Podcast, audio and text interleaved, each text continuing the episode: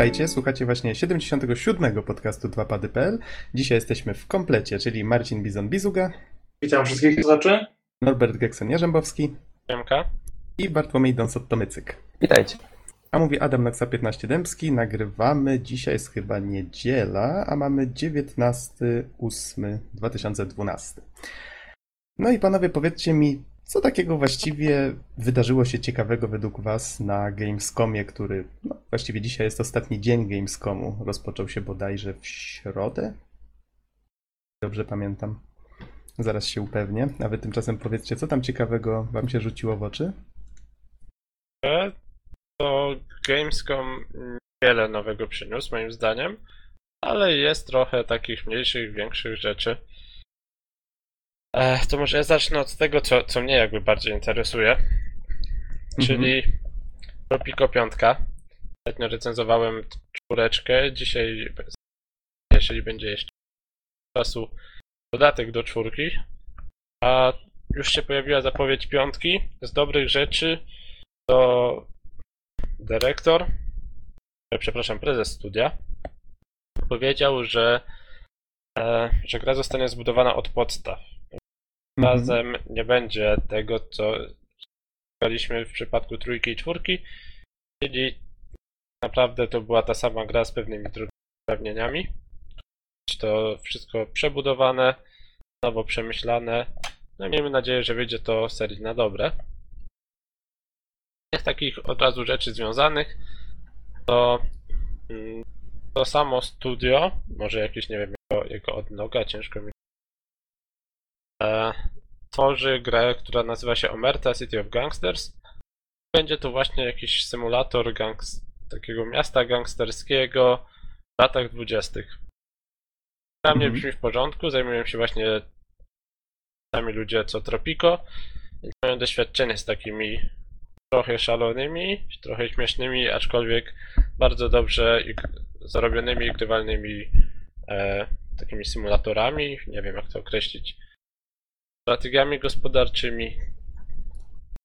Mhm. Mnie logo przypomina troszeczkę mafię. To chyba nie jest zła rzecz. Troszeczkę tak. Teraz Wiesz, Norbert, trosze, troszeczkę cię przerywa. Tak od czasu do czasu jakby ucinało to, co y, koniec zdania. Nie wiem, Znaczy u mnie, u mnie jest okej. Tak? Aha, no okej, tam może A propos Tropico porządku. 5, to właśnie ja kurczę zadaję sobie pytanie. Mhm. Piąty raz. Co można jeszcze zrobić? Bo generalnie no Tropico to jest taka specyficzna gra, która od pierwszej części i wypracowała sobie pewną mechanikę, która praktycznie jest no, mocno kontynuowana.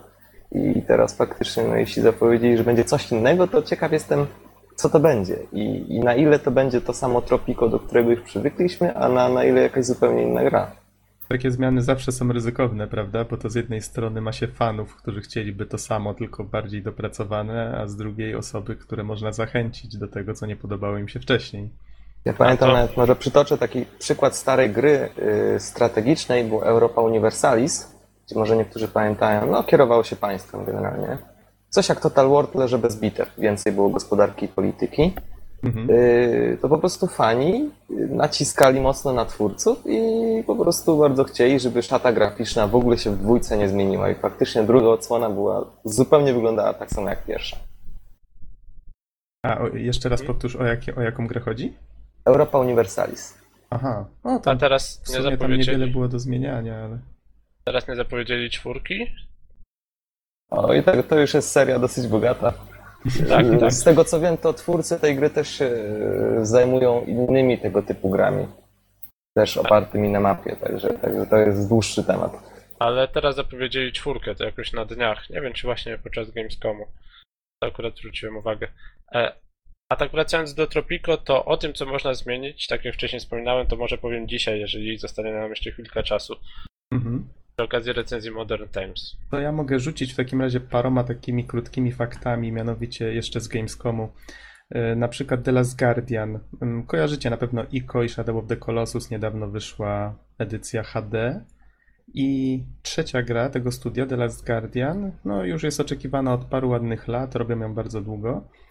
Y, I niektórzy zaczęli się zastanawiać, czy oby coś tam nie idzie nie tak. Ale twórcy uspokoili, gra ponoć powstaje, po prostu mieli jakieś problemy techniczne, które mm, sprawiły, że musieli część kontentu, część gry zrobić zupełnie od nowa. No i dlatego prace tak się przeciągają. W każdym razie uspokajają, że wszystko idzie ku dobremu. Co my tu mamy dalej? Mamy. Znamy już datę premiery Metal Gear Rising Revengeance i wyjdzie 19 lutego 2013 roku.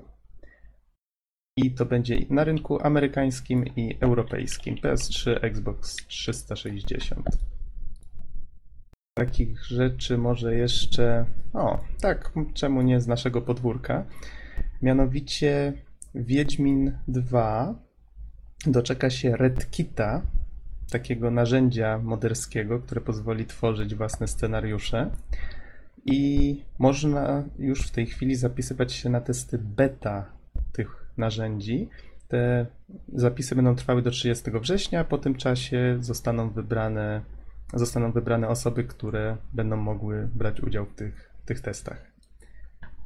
I jeszcze taka fajna, y, fajna rzecz w sumie na temat Wiedźmina dwójkę, dwójki tutaj z cdaction.pl, którą wygrzebałem, mianowicie wyobraźcie sobie, że Wiedźmin wygrał więcej nagród na European Game Awards niż Battlefield trójka. Mianowicie zdobył aż 6, 6 tak? Dobrze mówię, 6 nagród. I tutaj mogę nawet przeczytać, że za. y, Może najpierw wytłumaczę, na jakich zasadach to się odbywa. To ludzie głosują y, w sieci na, na te gry i zasady są takie, że to muszą być gry tylko od europejskich, y, europejskich studiów. I głosowało ponad 230 tysięcy graczy. I Wiedźmin dwójka zdobył nagrodę za europejską grę roku, za najlepszy europejski kierunek artystyczny, najlepsza europejska postać, najlepsze europejskie uniwersum, najlepszy europejski design gry, najlepsza europejska edycja specjalna. Jest to... Mhm. No, myślę o Battlefieldzie, tak, którego wspomniałeś, no to tam postać jest taka mało europejska, że to tak ujmę. E, co tam jeszcze wspominałeś? Design, no to, to jest wszystko takie no sztampowe, tak powiem, standardowe bardzo w Battlefieldzie. No i tutaj faktycznie Wiedźmin sporo wnosi do, do Mhm. branży gier pod tym względem. Ja może tutaj przytoczę właśnie, jakie nagrody zdobył Battlefield. To była najlepsza europejska gra akcji, najlepszy europejski multiplayer, najlepsza europejska gra konsolowa i najlepszy europejski dźwięk. No, chyba można się zgodzić, prawda? Z kolei jeszcze jakie, gry, jakie gry są jeszcze tutaj w zestawieniu? Jest Minecraft, jest Botanicula za najlepszą europejską przygodówkę. Tu bym mocno polemizował. E, Good Game Empire, Burnout Crash, Driver San Francisco za najlepszą europejską grę wyścigową. Co takiego? Dobrze, nie skomentuję tego. Anno 2070, Blue Byte za najlepsze europejskie studio i nagrodę dla europejskiej osobowości zdobył Markus Notch Persson. Znany skądinąd. W każdym razie Pierwsze słyszę o nim. w każdym razie każdy będzie mógł się zapoznać ze spisem tych nagród. Zamieszczę go pod podcastem. Norbert, mo- mhm. takich innych newsów, które wcześniej przeoczyłem, e, to Castlevania Lords of Shadow ukaże się na PC-ta. Bardzo fajnie. Ogólnie chyba coraz więcej gier trafia na PC-ta, tak, tak zauważam, bo był taki okres, że była masa ekskluzywów konsolowych. Mhm. Teraz one trafiają z pewnym opóźnieniem. Właśnie sobie przeglądam premiera Dark Soulsów na PC-ta. A to z tą Castlevanią ja mogę dodać jeszcze przy okazji parę nowinek. Tak, pokrótce. W sumie ze względu na Gamescom wróciłem znowu do swojej strony, do Castle Keepera. I co ja takiego znalazłem? Mianowicie Castlevania Lords of Shadow 2, tak jak wspomniałeś, wychodzi na PC w 2013. Ta, która powstaje na 3DS-a, czyli Castlevania Lords of Shadow Mirror of Fate, bo taki jest pełen tytuł, wychodzi też w 2013 jednak, została przesunięta, miała wyjść pod koniec tego roku. E, I właściwie, jeżeli ktoś jeszcze jest zainteresowany, to Konami wypuściło nowe, nowe arty, nowe screeny właśnie z Mirror of Fate. E, Opublikowali jeszcze, prowadzili taki show w trakcie Gamescomu, nazwali go Konami On Air i w jego trakcie tłumaczyli różne rzeczy na temat swoich gier i cztery odcinki czegoś takiego, bodajże 11 minut, 12 minut każdy poświęcili właśnie Mirror of Fate. W jednym mówią o walce, w drugim o platformówkowych elementach, w trzecim o zagadkach, jeszcze o fabule. No tak, ktoś by był zainteresowany. Oj, komuś gra telefon. Okej, tak, skoro jesteśmy przy 3DS-ie i premierach, to może warto wspomnieć, że znamy daty premier. Choć tutaj nie Mhm. jestem pewien, czy to europejskich, czy amerykańskich. E... No niektórych gier na 3DS-a, na które długo, długo czekaliśmy. Może tak zaczynając od Paper Mario Sticker Star. Ukaże się 11 november, to będzie listopada. E, Co tam jeszcze? Freaky Form Deluxe 5 listopada. Tutaj warto wspomnieć, że e, oryginalna gra Freaky Forms została usunięta już chyba z eShopu. Właśnie z, z tej okazji, że zostanie wydana jej wersja rozszerzona na kadridżu. No i tak, no i niestety Nintendo usunęło jakby podstawową wersję z eShopu. Osoby, które kupiły, mogą sobie ją bez problemu ponownie ściągnąć, a ci, którzy niestety nie zakupili jej wcześniej, mają, będą mieli dostęp tylko do wersji kadridżowej, niestety. E, Troszeczkę innych dziwna polityka. tak, zgadzam się, to, to jest bardzo dziwne i W sumie ciężko to pochwalić. No ale Profesor- kontynuuj. Professor Lighton and the Miracle Mask, długo, długo oczekiwany. Oktober to będzie. Pamięć dziurawa teraz padła. Mm, Jeszcze raz powiedz. Oktober, jaki to był miesiąc? angielski? Październik. A no to 28 października. No i chyba tyle z interesujących premier. Reszta to raczej takie bardzo casualowe gry. Ale listę znajdziecie pod podcastem. Widzę, że jest tego to, to tutaj naprawdę dużo. Hmm, Znaczy, może tak wymienię, jeżeli ktoś jest zainteresowany, to sobie sprawdzi. Art Academy, Lessons for Everyone, Crosswords Plus i Sparkle Snapshots. A, jeszcze Skylanders Giants. Tak samo, 21 e, oktobra, Boże. Co Października. października, tak, moja pamięć. Polowanie na czerwony październik, te sprawy. Okej. Sean to Connery.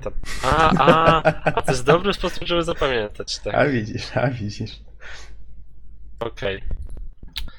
Eee, No, no i w sumie tyle, jeżeli chodzi o premiery na 3DS-a nadchodzące, te, te, te ciekawsze. Mhm. A ja mam jeszcze. A to może Bizonie, bo Bizon właśnie siedzi tak teraz cicho. Tak, już aż zaczynam przysypiać od nic No właśnie. nie robienia. Bizonie, tutaj. O jakiejś gierce chciałbyś nam opowiedzieć?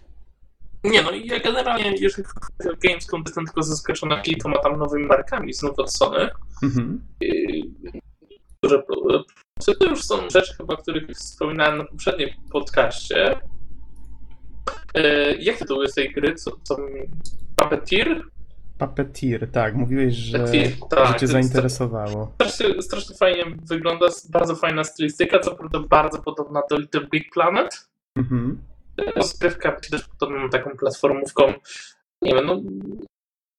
Wydaje mi się, że to będzie bardzo fajna kolejna gierka właśnie od Sony. Nie wiem, no mi się podoba, że, że Sony cały czas pcha na nowe marki, mimo że dobrze zdaje sobie sprawę, że, że czas y, tej generacji konsol się kończy, tak? Po drugie, widać jak bardzo inwestują w PS Vita, że jednak mimo trochę takiego słabego startu konsoli, chcą oni ją ciągnąć na prostą i naprawdę serwują masę, masę tytułów. Od Media e, Molecule, czyli od tej firmy, która robi Little Big Planet, e, będzie nowa gra. Ja nie, nie pamiętam tytułu w tym momencie. A czy to właśnie nie oni robią Puppeteer? Możliwe, że oni, ale ja teraz mówię już o innej grze. Mm, Rain? Su- nie, nie, nie, nie.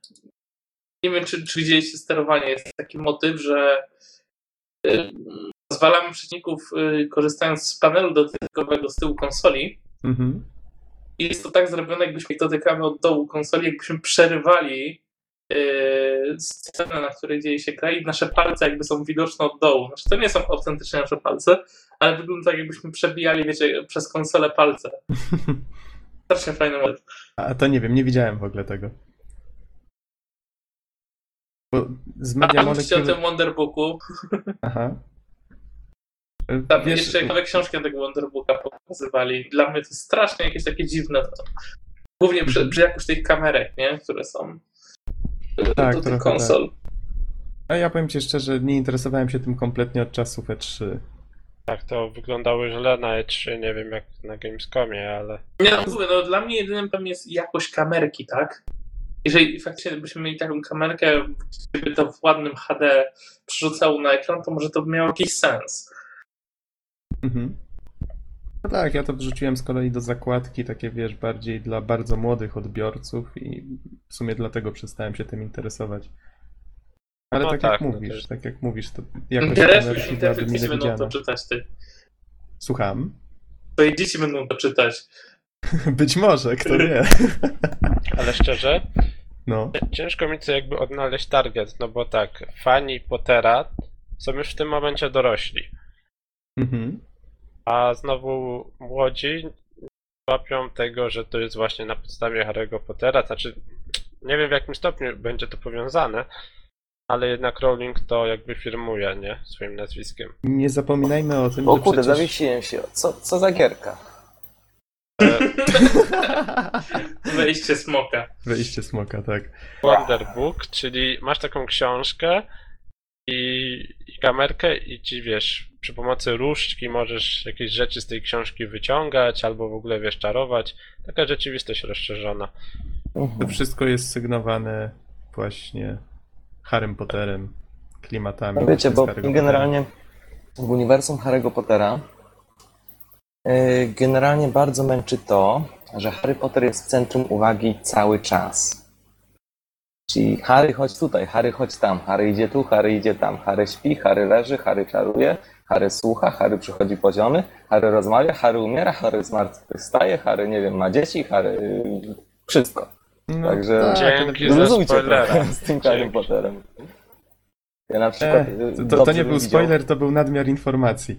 E, E, Ja bym na przykład Don, widział e, Don, grę poczekaj, sekundkę, uniwersum sekundkę. Harry'ego Pottera, kiedy No. na przykład my tworzymy własnego czarodzieja i poruszamy się na przykład po Hogwarcie i chrzanić fabułę filmową. No dobra, no już nie, niech będzie. Jest ta seria gier o fabule y, filmowej, z fabułą filmową, no to może coś innego na bazie tego. Przecież to jest naprawdę potencjalny, genialny potencjał ma to uniwersum i Don, tego, czegoś takiego mi brakuje. Don, to o czym teraz mówimy, właśnie robi coś takiego. Tam chyba nawet No. w ogóle nie ma Harry'ego Pottera. To jest po prostu księga czarów, którą dajesz swojemu dziecku, o ile masz dziecko, i ono się po prostu tym bawi. Macha sobie różdżką przy, tym, przy tej książce i różne fajne firebole z tego lecą i ci podpalają pokój. No więc jest wesoło, nie?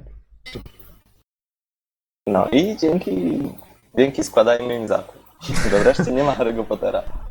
W każdym razie rozmawialiśmy już o tym na E3, więc może nie, już nie rozwódźmy się nad tym aż tak, tak mocno.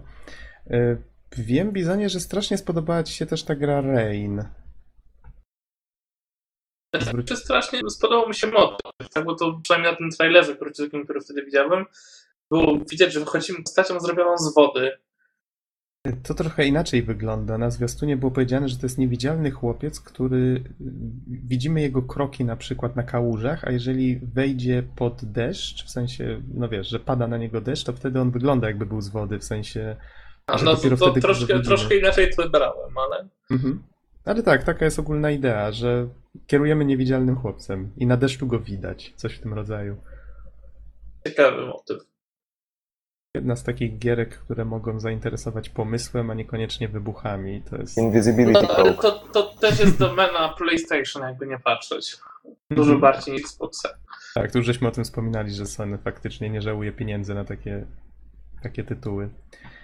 A propos pieniędzy.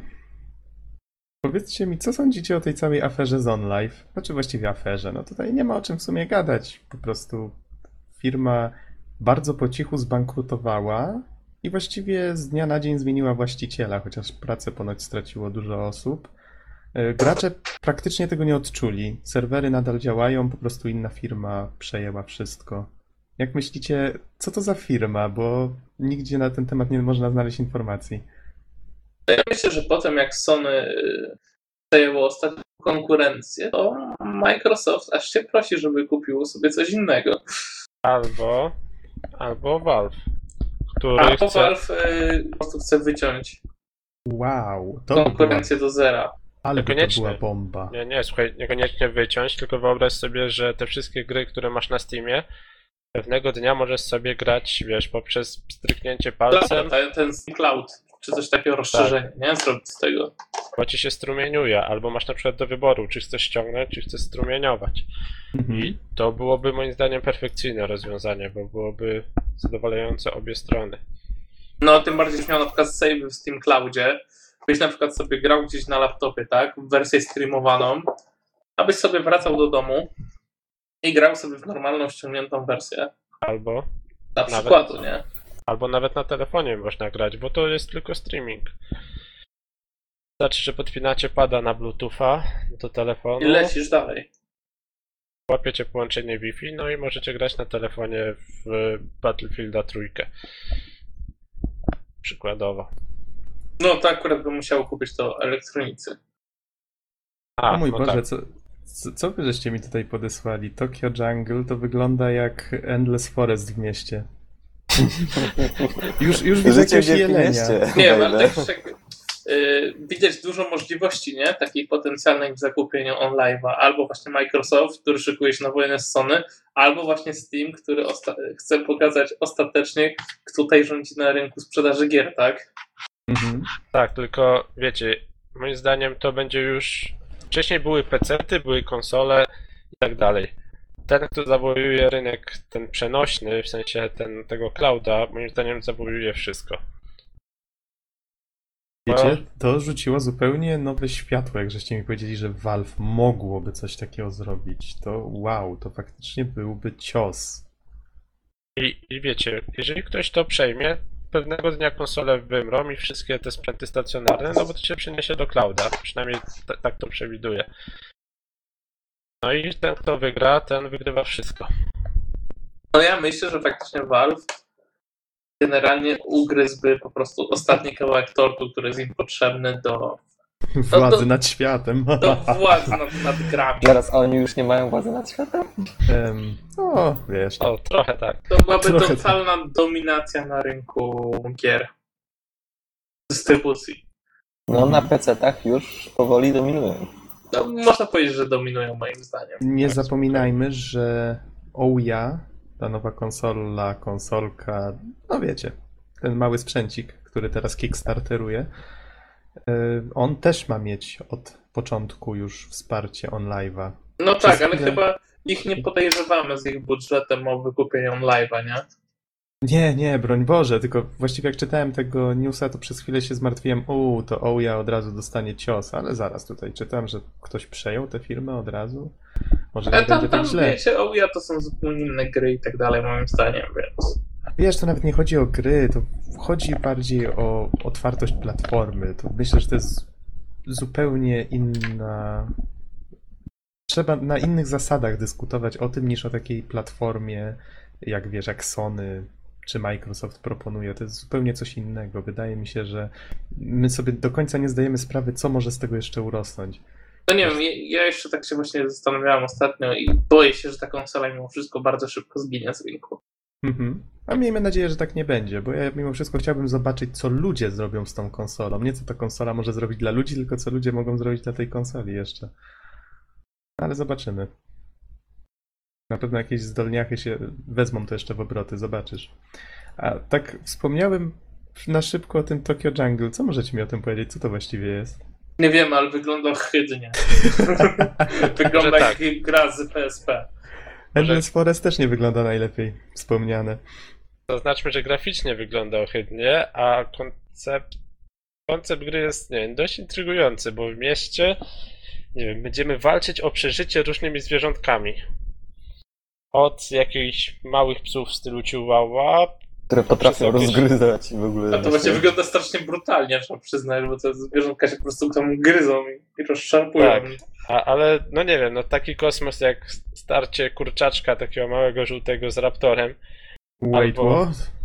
albo chociażby pokazane na trailerze walka tygrysa z... z czym to było? Z hipopotamem. No kurczę, no tego nie było. Bardzo fajny pomysł, niewyeksploatowany jeszcze zupełnie, nawet nie odkryty. I ja liczę, że po prostu nie schrzanią tego pod kątem grywalności, ale i tak niestety nie zagram, bo gra ukaże się tylko na PlayStation 3, z tego co się orientuję. Mhm. Mnie w ogóle interesuje tak platformówka. No, zobaczymy. Raczej widziałbym coś takiego Słuchajcie, z tego co ja w tu klimatach. y, No, starczy powiedzieć, że nie takich pseudo y, dwuwymiarowych, tylko w pełnych, w pełnych trzech wymiarach. Aha. Y, Don, z tego co ja tu widzę i Gexen, to gra już wyszła. Tutaj w podpisie do filmiku jest napisane, że ona wyszła w czerwcu, 7 czerwca 2012. Więc myślę, że jakbyście poszukali, może znajdziecie jakieś recenzje, tylko że wyszła w Japonii. Więc A. może ciężko wam być zrozumieć te recenzje. Szukajcie ocen. Jakiś Metacritic, coś. Dokładnie, dokładnie. To może nam coś powiecie ciekawego na ten temat następnym Nie ma, razem. nie ma. Pusto na Metacriticu. A my takich krytyków zresztą chybaśmy ostatnio też dyskutowali. Mhm, tak, trochę tak, żeśmy faktycznie poruszyli ten temat. E, Słuchajcie, to już w takim razie kończąc newsy, ja tu właściwie mam jeszcze jeden temat, który ciągle spycham na bok, bo nie wiem, czy właściwie my chcemy się o tym wypowiadać. E, Podrzuciłeś mi, Norbert, pomysł obejrzenia zwiastuna Devil May Cry tuż przed podcastem. Nie wywarł na mnie jakiegoś super specjalnego wrażenia w przeciwieństwie do poprzednich. Pojawia się w nim Virgil, znany między innymi z trójki, tego oryginalnego Devil May Cry'a brat Dantego. I jak ty to określiłeś, to co tutaj właściwie się dzieje na tym zwiastunie? Nie wiem, znaczy tak, może najpierw dla tych, którzy nie grali, to przedstawię jak wyglądał Dante w czwórce. To tam kurczę to był koleś, który podchodził do ogromnego demona, no i z takim uśmiechem zawiadackim, tak, rzucał mu jakieś wyzwisko w twarz, po czym się z nim nachrzaniał. I w sumie nie, nie było żadnych takich wątków, nie wiem, stylu. Że ten Mhm. jego kumpel miał tam jakąś taką miłość, ale to, to nie było jakoś tak eksponowane. E, To, Chyba co na nam- moment, na moment przerwało. Mówiłeś, że nie było wątków z tym i tutaj Z tym, z tym, z tym, nie wiem, generalnie no nie było jakichś takich e, akcentowanych wątków miłosnych, może Aha. tak to ujmę. Okej. A to, co nam serwuje ten trailer, to e, tak, Dante odnajduje swojego zaginione, zaginionego brata, czy raczej on się sam pojawia e, i dla jakiejś tam laski, że Dante ma takie króciutkie już włosy, zupełnie inaczej wygląda, no i dla jakiejś kobiety stwierdza, że e, nie będzie walczył z demonami, tylko idzie ją ratować i że świat go nie obchodzi. To nie wiem, no dla mnie to wygląda jak taka tania telenowela albo taki Nie no, słuchajcie, jeśli to nie jest zapowiedź najlepszej gry na świecie, to ja nie wiem. o mój Boże. no, E, chyba będziemy musieli to sprawdzić, jak gra wyjdzie, bo mi się naprawdę odniosłem wrażenie, że to jest zlepek takich scenek raczej mało, no wiecie, Nie, to jest zlepek losowych motywów. Tak, ciężko coś z tego sklecić, ale no istnieje ryzyko oczywiście, że, że ludzie z zachodu podeszli do tematu, wiecie, nieodpowiednio, nie? Wiecie co, ja mam wrażenie, że w ogóle nie wiem, że twórcy chyba e, myśleli, że jak e, zrobią epicką muzykę, a na mapie będzie tylko krzesło, to i tak e, gra okaże się hitem. Wiesz, mnie się podoba cały ten pomysł, faktycznie ta spójność tego podejścia na zasadzie buntu i tego, jak ten świat faktycznie wygląda tak, jakby chciał cię zeżreć żywcem. To wszystko jest takie fajne i spójne. No tylko tak jak Norbert tutaj zwrócił uwagę, istnieje ryzyko, że fabuła faktycznie będzie tandetna i nieciekawa, no ale zobaczymy, jak to wyjdzie. Ale tak czy siak, to jest jeden z najlepszych slasherów, jakie kiedykolwiek wyszły, ale więc samo granie musi być fajne w nim. niego. Ale sama postać Dantego, wiecie, takiego przepakowanego, no. Kolesia, który ma wszystko w D. Ona też tworzy klimat, tak? No, tworzy, no oczywiście, że tworzy. Ja, ja nigdy nie zapomnę intro do pierwszego Devila. No. A, To ale jednak, jednak było świetnie zrobione od samego początku, cała seria. No teraz po prostu będzie inna. No. albo Niekoniecznie musi być gorsza. bo na początku w trójce, jakie on tam fajne akcje odwalał z tymi billami, nie wiem czy pamiętacie.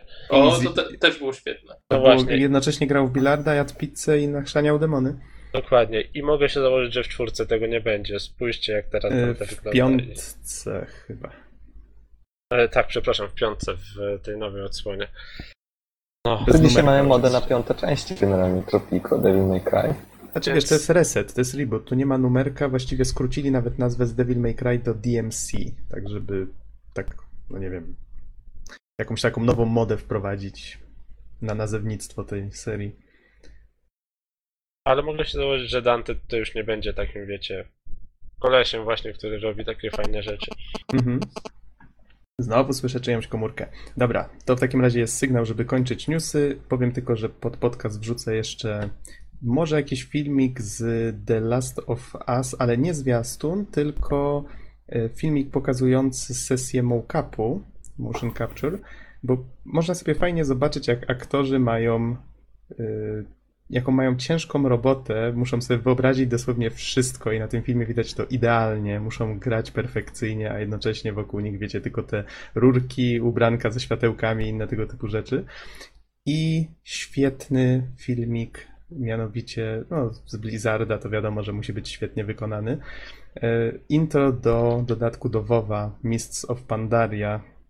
Cokolwiek byście nie myśleli o pandach i jak bardzo ten dodatek jest ściągnięty, zrżnięty z Kung Fu Pandy, jak ja, y, trzeba przyznać, że to intro wygląda świetnie. Chyba się ze mną wiesz, zgodzicie. że to jest nieprawda. To generalnie ta rasa występowała już w, War, Oj, Bizonie, ja to Warcraftie pół- trójce, tak? Wiem, ja to mówię pół żartem, ale powiedz... Ale nie, bo cał, całkiem poważnie wiele osób sądzi, ja nawet dzisiaj jeszcze sądziłem rano, Aha, że właśnie tak jest. Ale To co? Że widziałem, tak- się, widziałem się z zombiem Damianem, który Aha. czasem gościł u nas na podcaście i właśnie on mnie uświadomił, że ta rasa już faktycznie przewijała się przez serię e, Warcraft i że to nie jest tak, że, że była Kung Fu Panda i stwierdzili, że wrzucą puchate pandy do gry teraz, tylko Mhm. ta rasa istniała już wcześniej w uniwersum. A tak, to przepraszam. Faktycznie ktoś mógł to w takim razie źle odebrać. Ja tutaj opieram to na tym, że e, ja wiedziałem o tym, że faktycznie te pandy występowały już wcześniej. Zresztą rozmawialiśmy o tym któregoś razu i nie wiem, czy to wy żeście mi uświ- mnie uświadomili, czy ktoś jeszcze mnie uświadomił. W każdym razie ja już wiedziałem o tym od jakiegoś czasu, ale niedawno widziałem Kung Fu Pandy dwójkę, dwójkę, która przy okazji jest y, bardzo fajnym filmem. I tak żeśmy się naśmiewali z bratem, że właściwie wszystko teraz, co oni robią z tym Mists of Pandaria, to wygląda jak zerżnięte z tego filmu, no ale to wiecie, no to takie bardziej śmichy chichy, nie? Filmik w każdym razie jest śliczny. Myślę, że warto go obejrzeć, nieważne co się sądzi na temat tego dodatku. I pan. To po prostu potraktować to jako świetną animację, Tak. świetny CG. Mhm, tak, zgadza się, dokładnie. I to tyle ode mnie. Mamy pół godziny minęło, starczy tych newsów, chyba że macie coś do dodania. Nie słyszę nic, dobra. W takim razie, co powiecie, żebyśmy porozmawiali dzisiaj o tym? y, W sumie już żeśmy od tygodnia coś takiego planowali, żeby poruszyć temat gier, w które można grać w koopa na cztery osoby, bo my tu w sumie siedzimy sobie tak w czwórkę, od czasu do czasu włączymy sobie po podcaście jakąś gierkę, żeby sobie razem zagrać i od jakiegoś czasu właściwie rozglądamy się za takimi grami, w które warto faktycznie sobie pograć w cztery osoby. I jakie my tu właściwie żeśmy gry, no nie jest ich dużo, ale porozmawiamy sobie dzisiaj o nich troszeczkę, może pozwolimy sobie na jakieś takie drobne porównanie. Najpierw zaczęliśmy grać w Shoot Many Robots, które nie jest... Która polega mniej więcej na tym, żeby strzelać do wielu robotów. Tak, wspom... wspomnimy, tak, nazwa doskonale oddaje to, o co w grze chodzi. A całkiem niedawno zaczęliśmy grać w Borderlands 1 i w Left 4 Dead 2. Z czego myślę, że jeszcze możemy pokrótce wspomnieć dzisiaj bodajże o Team Fortress 2, tym nowym koopie, który wyszedł, ale nie zdążyliśmy go jeszcze obadać dokładnie. To co panowie, w takim razie mamy trzy gry. Od czego zaczynamy? Od Shoot Many Robots? Chyba No możemy zacząć od niej. To kto chce mówić? To ja mogę zacząć. Okej, Może. Bizon nie zacznie, co? On taki to w sumie jest specjalista od tej gry. A, no. Nie no, Norbert, proszę bardzo, zaczynaj. To, to tak, to może pierwsze wrażenie, jakie się ma po uruchomieniu, to o kurczę, kontra. E, Mhm.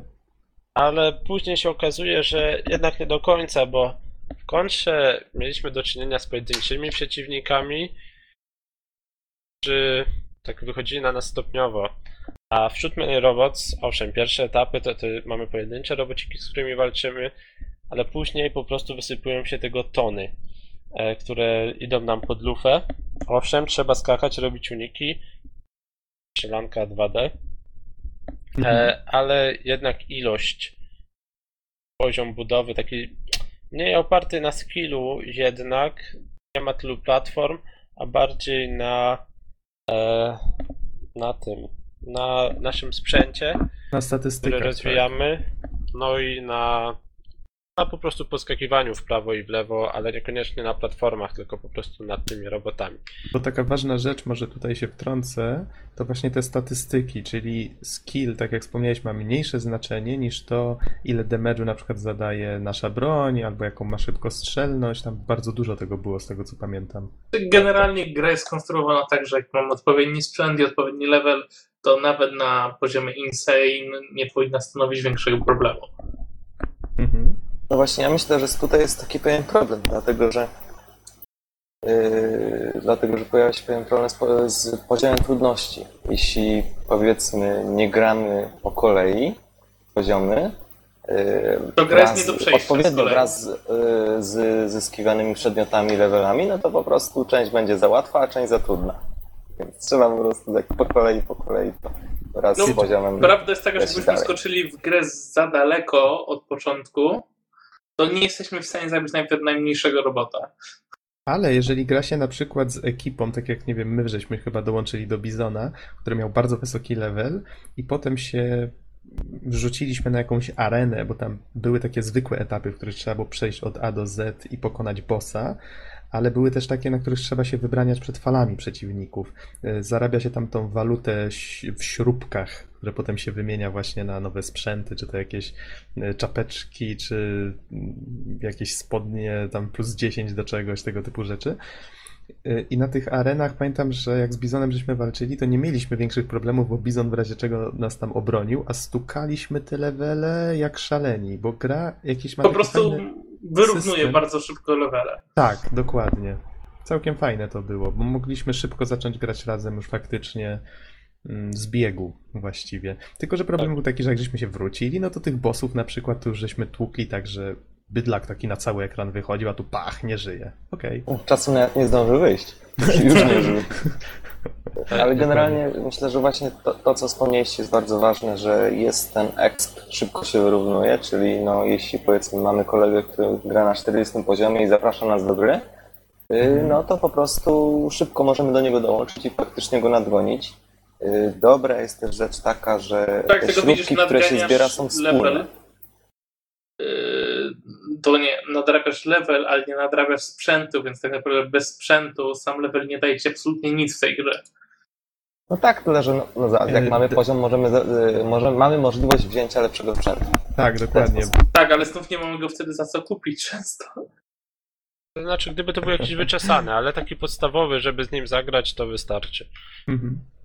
E, tak wracając do sprzętu, ja bym dodał, że sprzęt jest bardzo fajny, no bo nie to, że znajdujemy, nie wiem, nowy hełm. To po prostu to jest albo hełm kosmonauty, albo jakiś taki hełm z piwem. Właśnie powiedzcie, jaki klimat jest tej gry? Kim my właściwie kierujemy? Bo myślę, Ja że to jest tutaj powiedzieć kluczowe. tak. Hmm. Z czterech prostaków, którzy chleją piwsko i strzelają do robotów. Amerykańskich. Ja bym zaznaczył, że amerykańskich, bo jednak gra jest taka nacechowana bardzo, bardzo mocno amerykańskimi akcentami. To jest to, co Amerykanie nazywają rednecks, tak? Nie wiem, kowbojskie kapelusze, karabiny z flagami i ten Stanów Zjednoczonych i inne takie rzeczy. Mnie to szczerze mówiąc trochę drażniło, tak? Nie na tyle, żeby odrzucić od gry, ale jest takie bardzo, bardzo amerykańskie. Tak, i ta Po prostu czuć, że to nie jest adresowane do nas. Ta ekipa właśnie podróżowała w jakiejś takiej przyczepie kempingowej, tak? Czy to był pojazd taki kempingowy? Wyczesana fura, ty chcesz. tak, i, i tam to było traktowane jako takie lobby między misjami. Tam faktycznie gracze mogli do siebie postrzelać, potestować, ile obrażeń zadaje ich broń, mogli sobie wymienić ekwipunek. No i podchodząc do kierownicy, można sobie wybrać, gdzie chce się jechać, czyli mamy sobie mapę lokacji. Lokacje są podzielone na bodajże normalne, trudne i, i szalon, szalenie trudne z czego te kolejne poziomy się odblokowywało przechodząc grę. My żeśmy Insane'a ostatecznie nie przeszli. Ciekaw jestem, czy tam na koniec coś faktycznie ciekawego czekało, czy właściwie twórcy nie przygotowali żadnej niespodzianki. Ale gra już w każdym razie po przejściu normala wyświetlała napisy końcowe, więc to jakby można było potraktować jako takie dodatkowe wyzwania. Faktycznie pod koniec robiło się ciekawie, z tego co pamiętam, jak już żeśmy próbowali się pakować w tego Insane'a. Jeżeli trochę za wcześnie się człowiek tam pchał, to było bardzo trudno. Pamiętam, że z Bizonem raz żeśmy ruszyli w taką krucjatę przeciwko robotom w dwie osoby, to mieliśmy problem. Ale Właśnie, w tej ja po prostu myślę, że grało tutaj- się zupełnie inaczej, prawda? Tak, Więc ten, ten współczynnik inaczej. pół- współpracy zależy i jest bardzo ściśle związany z poziomem trudności. Czyli no jak jest za łatwo, to ja to odbierałem tak, że dosłownie my ganiamy do, do tej mapy do przodu. Yy, Dosłownie ganiamy, bo tak, żeście do przodu szybko szli, że nie szło nadążyć czasem. Natomiast jak jest za trudno, yy, to myślę, że wtedy, wtedy się zaczyna ten fajny mechanizm współpracy. Do dzisiaj w pamięci mam, kiedy, kiedy żeśmy czwórkę zaczęli grać, chyba na, na, na jakimś wysokim poziomie trudności, nie pamiętam, nie pamiętam teraz na jakim. To był chyba. Doszliśmy do bossa i po prostu musieliśmy opracować strategię, y, jak go pokonać i skończyło się tak, że po prostu wszyscy razem, czwórkę synchronicznie musieliśmy skakać lewo-prawo, żeby po prostu unikać pocisków innych wrogów i, i trzaskać. Także to było super, prostu Znaczy- taka czysta współpraca. Ja mogę powiedzieć, jak to wyglądało dokładnie. Tam po prostu był taki motyw, że ten boss wypuszczał z siebie mniejsze roboty. Jeżeli się je pokonało, wypuszczał kolejne, tylko trudniejsze do pokonania. Więc ostatecznie, nie mogąc go rozwalić, zaczęliśmy tak współpracować, że y, jed, jeden typ robotów, który szarżował, zostawialiśmy go. Nikt nie mógł w niego strzelać, ale musieliśmy się synchronicznie zacząć, zacząć przeskakiwać tą jego szarżę w te i z powrotem, jednocześnie strzelając w bossa. Pamiętam, że mieliśmy przy tym sporo radochy, jak żeśmy sobie zdali sprawę, że to nawet działa. No, Przez 5 Wygraliśmy w minut. ten sposób, bo, no bo był tylko jeden wrogi robot, nic do nas tak naprawdę nie strzelało, tylko trzeba było robić uniki. To się, jak się okazuje, nie jest takie proste, jak się próbuje to robić jednocześnie w cztery osoby. Znaczy nie no, myślę, że jak na pierwszy raz to nam świetnie wyszło, no Było pokonaliśmy zabawnie. ostatecznie. tak jeszcze bym dodał odnośnie mechaniki, Aha. że niestety nie ma podziału na klasy. Wszyscy tak naprawdę są takimi nawalakami do przodu. Nie ma Mhm. czegoś takiego jak medyk. Po prostu jeżeli jedna osoba padnie, no to e, druga może ją podnieść. Dosłownie. To chyba nawet nie zabiera dużo czasu, bo to jest jedno kliknięcie i tyle. Y, Tak, tylko że ta druga osoba, znaczy ta leżąca osoba, jeżeli nie zostanie uratowana w pewnym okresie czasu, to chyba pada i musi odczekać pewien okres na respawn i wtedy do checkpointa jest wracana, tak? E, Jeżeli po prostu ekran pójdzie dalej, to, to wtedy tak, ale zazwyczaj to, to się nie zdarza. Ja już nie pamiętam aż tak z takimi Mhm. szczegółami. A, ale moim zdaniem brakuje takich rzeczy. Wyobraźcie sobie, że nie wiem, że jedna osoba by roztaczała aurę leczącą, druga Mhm. aurę jakąś tam, nie wiem, odnawiającą amunicję. Aha. Byłoby fajnie. To, to Co nie, takie zmienia, rzeczy. co nie zmienia faktu, że faktycznie te przedmioty, które się kupuje, mają różne takie dziwaczne efekty. Że czasami ktoś się leczy, ale ma wtedy mniejszą celność i tak, Tak, dalej. tak. I tak Ja dalej. myślę, że największą zagadką tej Ale- gry jest Aha. fakt, że generalnie postacie y, czerpią y, zdrowie y, z piwa. Czyli mamy tam trzy piwa przy sobie, musimy wypić piwo, y, żeby No się przecież to-. I To jest najciekawsze jest remedium to, doskonałe. że no, postać. Noxa bardzo długo nie piła. W ogóle. Hej! Okej. Piła. Piła. Tylko nie piwo. Dlatego nie działało. Miałeś orężadę. Tak. Z bąbelkami. Dobrze, panowie, czy coś chcecie dodać? Czy przechodzimy do następnej gry i potem jeszcze jakoś podsumujemy, na przykład, która według was najfajniej się sprawdza właśnie do takiego koopa? Znaczy ja myślę, jeszcze mogę tutaj dodać, że, że generalnie jednak y, widać no, pewne powtarzanie się. Motywy z poziomów się powtarzają i tak jest fajnie, ale na dłuższą metę tak troszeczkę za dużo podobnych rzeczy. To dużo Tak, bo podobnych wrogów, plansze, chociaż tak jak wspomniałem, jest... tak Możesz powtórzyć, bo przepraszam, zagłuszyłem cię. Y, Za dużo podobnych wrogów, poziomów i generalnie wszystko to, no, czu- czuć tą powtarzalność po prostu, jak się w to gra. Tak, zgadza się. Tak jak wspomniałem, one są podzielone na poziomy trudności, ale one mają właściwie takie tematy, tematycznie są podzielone, na przykład jakiś tam teren wiejski, jakaś fabryka, jakaś kopalnia i w obrębie każdej tematyki właściwie są poskładane z identycznych klocków niemalże i to bardzo czuć. Chyba zgodzicie się ze mną tym przypadku. Tak, tak. Więc praktycznie przez całą grę ma się wrażenie, tak jak wspomniał Don, że, że właściwie to gameplay sam się kopiuje i to już w pewnym momencie robi się dość monotonne, zwłaszcza jeżeli faktycznie poziom trudności już tak w pewnym momencie e, strasznie się zaniża i jesteśmy zbyt wykoksani, to wtedy idziemy właściwie przed siebie i tak już zaczynamy ziewać, bo to polega już tylko na biegnięciu i strzelaniu. Ale jak I się... właśnie jest jedna, jedna fajna rzecz, o której bym Aha. chciał tutaj wspomnieć. Jeśli oglądali tutaj, no na pewno wszyscy tutaj oglądali, także ze słuchaczy, ogl- oglądali Matrixa. Generalnie tam chyba w ostatniej części, jak się maszyny kopały, jak te drony, tak nie wiem jak to się nazywało, y, zaczęły wyłazić przez te dziury i ludzie w tych ogromnych mechach zaczęli do nich strzelać z karabinów i powstrzymywać fale. No to w pewnych momentach dokładnie to samo się dzieje wśród Many Robots. Jest tego dużo, prawda? Tak, czyli tak cała masa robotów dokładnie w jeden punkt leci i tylko od siły karabinu maszynowego zależy, czy obronimy tą falę, Mhm. czy tam Okej, się nie, to- przyda, nie przedrze. To w takim razie zrobimy zbiorcze podsumowanie. Przejdźmy może w takim razie. No dobra, wybierajcie Left 4 Dead czy Borderlands? Left 4 Dead może najpierw. Left 4 Dead, okej. To ciekawie, żeś wybrał, bo to akurat też gra, w której zalewa nas, tylko że tym razem martwe, żywe mięcho. Jakkolwiek by to dziwnie nie, brzmi, nie brzmiało. Kto chce poopowiadać na temat Left 4 Dead?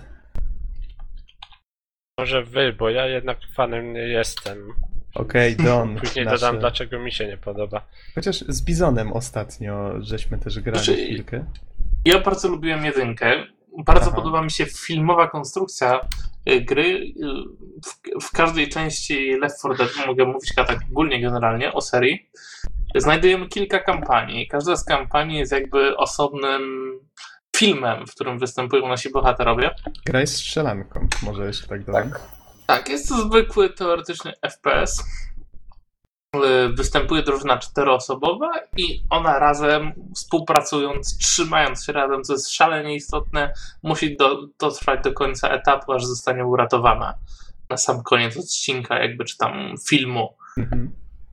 Czyli Właśnie zasady są, dodać, zasady że- są generalnie proste, tak? Właśnie. każdy z tych filmów trwa około godziny, bo on jest podzielony na pięć etapów y, i te, każdy z tych etapów to jest 10 kilkanaście minut. Z czego jeszcze trzeba pamiętać, że nasze postępy tak naprawdę bardzo mocno oddziaływują na to, ile nam to czasu zajmie, ponieważ każdy z tych mniejszych fragmentów, on się zaczyna w tak zwanym safe roomie, czyli bezpiecznym pokoju. Tam bohaterowie się bunkrują, mają tam jakieś lekarstwa, mają amunicję, możemy się dozbroić i wtedy wyruszamy. I właściwie jak już wyjdziemy z tego safe roomu, dopóki nie dojdziemy do następnego, zdarzyć się może dosłownie wszystko.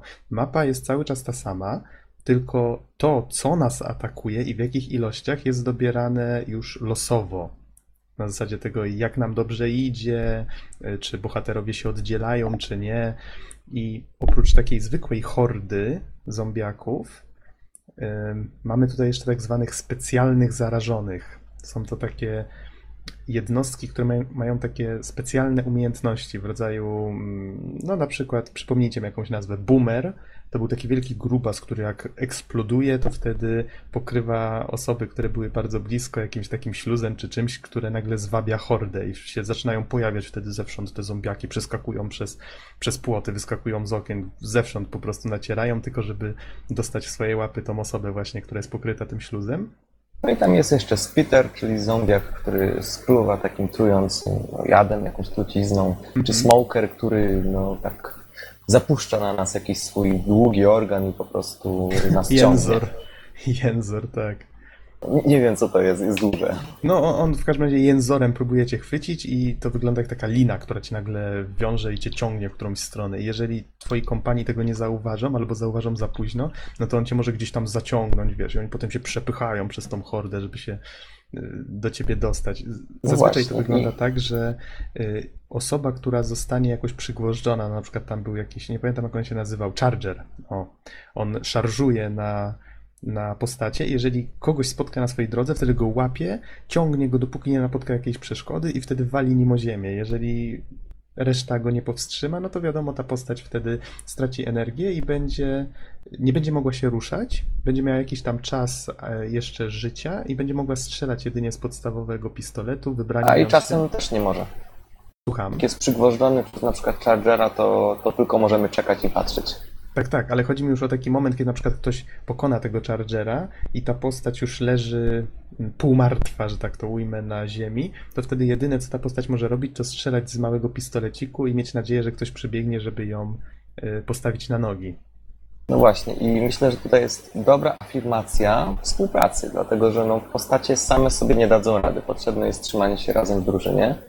Yy, Natomiast co jest jeszcze fajne, to to, że jeśli na przykład dosiądzie kogoś jockey, takie jest słownictwo używane w grze, nie czekajcie, nie idźcie w tą stronę, Taki, Y- taki mały, tak, y, to wtedy po prostu wygląda to tak, że oczywiście trzeba go zestrzelić, nawet jest to zaznaczone, że, że po prostu na, gracz, który, który jest ujeżdżany, na którym na, na plecach siedzi mu jockey, jest zaznaczony tam na żółto bodajże czy na niebiesko i po prostu wtedy jeszcze bardziej jest podkreślone, ej słuchaj, tutaj ktoś ma problemy. Jeśli, yy, przecie, jeśli inni członkowie zespołu zestrzelą tego potwora, yy, no to wtedy nawet jest jeszcze komunikat, że na przykład, no nie wiem, że Noxa 15 y, ocalił tego i tego gracza. Także to jest aż nawet taka afirmacja tej współpracy występuje.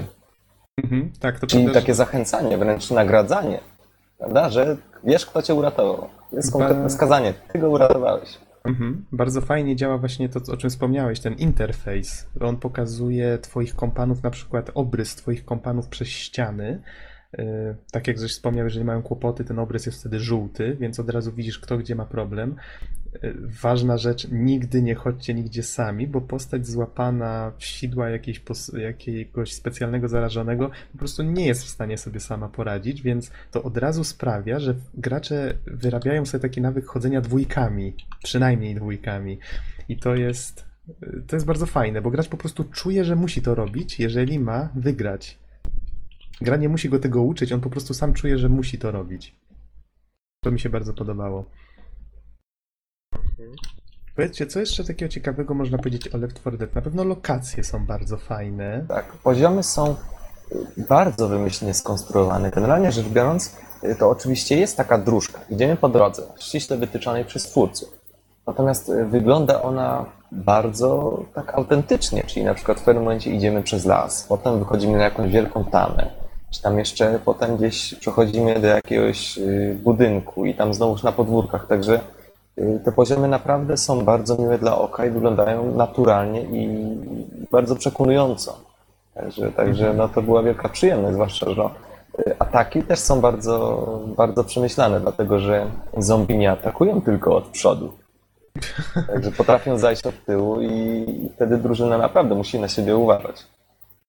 Tak, sz- szarża, hordy, jak to się tutaj nazywa, bo właściwie zombiaki kręcą się po okolicy non-stop. Ale tylko w jakichś konkretnych przypadkach też dobieranych po części losowo, ale nie tylko. y, Atakuje horda, czyli właściwie taka wielka fala i bardzo podoba mi się to, jak w tej grze muzyka oddziaływuje na emocje. Jeżeli na przykład, no są takie miejsca, gdzie mamy y, samochody, w których świeci alarm. Jeżeli trafimy pociskiem w taki samochód, włączy się alarm, a wiadomo, głośne dźwięki no wiadomo, no w tej grze akurat głośne dźwięki zwabiają zombiaki i nagle zwala się tego mnóstwo. Muzyka zaczyna przyspieszać, taka troszeczkę jest y, kiczowato-horrorowata, tak jak już żeście wspomnieli, taki buduje klimat filmowy. I a, aż chce się krzyczeć do mikrofonu, uważaj za tobą, nie? Albo lecieć ratować jakiegoś kumpla, bo go tam chwycił ten smoker za szyję i go ciągnie w jakąś stronę, więc świetnie to jest zrobione. I każdy ten filmowy odcinek, jak już wspomniał Bizon, kończy się takim fragmentem gry, który zazwyczaj polega na wybranianiu się w jakiejś konkretnej lokacji. No, na przykład znajdujemy radio i musimy wezwać helikopter, albo jesteśmy na scenie w parku rozrywki, ta scena mm, jakaś taka, wiecie, rockowa i musimy odpalić wszystkie tam jakieś fajerwerki, atrakcje świetlne, muzykę z głośników, żeby zwrócić uwagę na przykład jakiegoś helikoptera, który tam obok przelatuje, no coś w tym rodzaju. Tylko, że wtedy zwabiamy mnóstwo zombiaków, które akurat wtedy zaczynają atakować tą scenę i my tam mamy mnóstwo rzeczy, koktajle Mołotowa, jakieś bomby emitujące dźwięk, żeby zombiaki do niej podbiegły. Co tam jeszcze było? Był jakiś, e, jakiś taki granat z... To są y, substancje z śluzem, które też przyciągają zombiaki. A, no tak, tak. I przeróżne bronie, tam są karabiny, chyba snajperki były, chyba nie. Też, też są snajperki, ale tak średnio użyteczne moim zdaniem. Mhm, Zwłaszcza, że bardzo szybko robi się taki chaos. Że wszędzie dookoła są zombiaki i tak naprawdę nie ma czasu na nic, trzeba na pier strzelać. To, co jest fajne, jeżeli zostaniesz otoczony, to właściwie twoja postać traci strasznie dużo z mobilności. Z każdym zombiakiem, który się do ciebie zbliży, czujesz się jakby ktoś cię szarpał. Czyli postać się porusza jakoś tak niestabilnie, e, dużo wolniej i im więcej tych zombiaków jest koło ciebie, tym ciężej ci się poruszać. Możesz prawym przyciskiem myszy odepchnąć tych, których masz przed sobą, no ale jeżeli otoczą cię z każdej strony, no to właściwie czujesz się tak, jakby zaraz coś cię miało zeżreć żywcem. Więc to Hmm, też to- udało się twórcom fajnie oddać.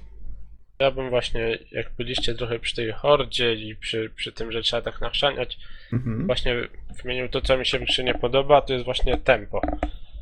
E, tak porównując z robotami, czy, czy właśnie z, z Borderlandsami, o których powiemy trochę za chwilę, tutaj zombiaki bardzo szybko biegają, my bardzo szybko biegamy i wszystko toczy się bardzo szybko. E, Mhm. Nie ma chwili odpoczynku, nie ma chwili stonowania. To jest błąd moim zdaniem, no bo cały czas jest taka akcja na wysokim poziomie. Mi to się nie podoba, tak? Czuję się trochę jak królik na koksie, e, a nie tego oczekuję, kiedy chcę się wieczorem zrelaksować, nie? Mhm. Właśnie brakuje tego umiarkowania. W robotach to jest, no bo owszem, te roboty wyskakują co chwilę jak idziemy, ale jednak są takie fale mniejsze. Dopiero co jakiś czas są te, te takie większe fale i one też, wiadomo, te roboty nie są takie szybkie jak te zombiaki w Left 4 Dead, bo to nie są takie powolne zombie, jakie znamy z innych filmów, tylko to są faktycznie e, takie zombiaki, które biegną z, e, ten, Właściwie na setkę, dosłownie. Tak, czyli nie są powolne, oślamazarne, tylko faktycznie to, co wielu recenzentów podkreślało, one biegają jak maratończycy i próbują zeżreć cię jak najszybciej. E, Wiesz, myślę, że problem leży trochę w czymś innym, mianowicie faktycznie w Left 4 Dead liczy się bardziej zręczność, e, w, no zręczność, współpraca, z kolei w Shoot Many Robots, w zależności od tego, jaki jest ten poziom trudności, Y, Zdarza się, że ta gra po prostu nie polega kompletnie ani na współpracy, ani nie trzeba się szczególnie starać. Po prostu się w nią tak luźno gra, tak jak wspomniałeś, żeby się wyluzować, co nie? Tak, ale te, tempo przyznasz, że w Left 4 Dead jest bardzo wysokie i dla mnie jest za wysokie, ja przy tej grze się nie relaksuję. Y, Wiesz, wydaje mi się, że jest, ujmę to tak, jest rozsądne, bo jakoś tak zastosowano te algorytmy dobierające te intensywności ataków, że czasami jest tak, że nic nas nie atakuje. Wtedy sobie jakaś taka spokojna muzyczka sobie gra, okej. Nagle widzimy jakiegoś specjalnego zarażonego, okej, ustrzelimy go. Nagle ktoś palnie przypadkiem w samochód, je, wszystko się zwala, co nie? I wtedy faktycznie robi się ostro. Mam wrażenie, że są tu takie momenty troszeczkę, nie nazwałbym to momentem odpoczynku. Cały czas masz wrażenie, że za chwilę może się coś zdarzyć i wiadomo, że się zdarzy. Yy, Tylko, wiesz, nie wiem, czy ta gra na pewno na tym miała polegać, żeby tam były jakieś momenty odpoczynku. Masz taki. ym, Są fragmenty, w których czujesz się bardziej bezpieczny, są takie, w których w ogóle nie czujesz się bezpiecznie, i myślę, że bardzo dobrze to zbalansowano, bo plansze nie są długie, po prostu te fale, które nacierają, sprawiają, że tobie się wydaje, że one są długie. To Nie wiem, myślę, nie wiem. Że... I- Ja się nie, ja się nie zgodzę. Jak dla Mhm. mnie tempo rozgrywki jest za szybkie e, i nie ma chwili odpoczynku zupełnie, tak mówię, ja królik na koksie, e, ale, ale to może moja prywatna opinia, nie wiem, Mhm. może jestem za Znaczy stary wiesz już, co, już do Jackson? tego To jest tak. Generalnie, jeśli chodzi o to tempo, to w pewnym sensie mogę się z Tobą zgodzić, dlatego że postaci poruszają się szybko, dosyć szybko i o ile na otwartych przestrzeniach nie jest to dosyć widoczne, o tyle yy, gdzieś, gdzie jesteśmy w jakimś pomieszczeniu, w jakimś korytarzu albo w jakichś pokojach, dosłownie no, widać, że ledwo wciśniesz to w USAD, a już jesteś pod ścianą, gdzieś na drugim końcu pokoju. Więc, więc faktycznie też, no, w części mogę się z Tobą zgodzić, że postaci się szybko poruszają. Natomiast na, na otwartych przestrzeniach to aż tak nie razi. Wiecie, zwróciłbym uwagę tu na jeszcze jedną rzecz, mianowicie pamiętajcie, że postać w zależności od tego, w jakim jest stanie, Tak. porusza przykład- się wolniej lub szybciej, czyli jak Tak. jest mocno zraniona, no to kuleje. I, I dzięki temu, że ona się porusza normalnie dość szybko, no to dzięki temu to jest wyczuwalne. Tak samo z tym, że te zombiaki potrafią cię przytrzymać. Yy, Czuć to, Ale- bo wiesz, że normalnie prujesz przed siebie dość żwawo. Ja bym po prostu zostawił temat, tak? Tylko chodzi mi o to, Mhm. że nie wszystkim to musi się spodobać ze względu na, na tempo rozgrywki. E, ale No to, tak, to jest moja jakby taka, wiecie, prywatna opinia i tutaj nie, nie dyskutujmy, nie rozkładajmy gry na czynniki pierwsze, no bo nie o to chodzi, nie?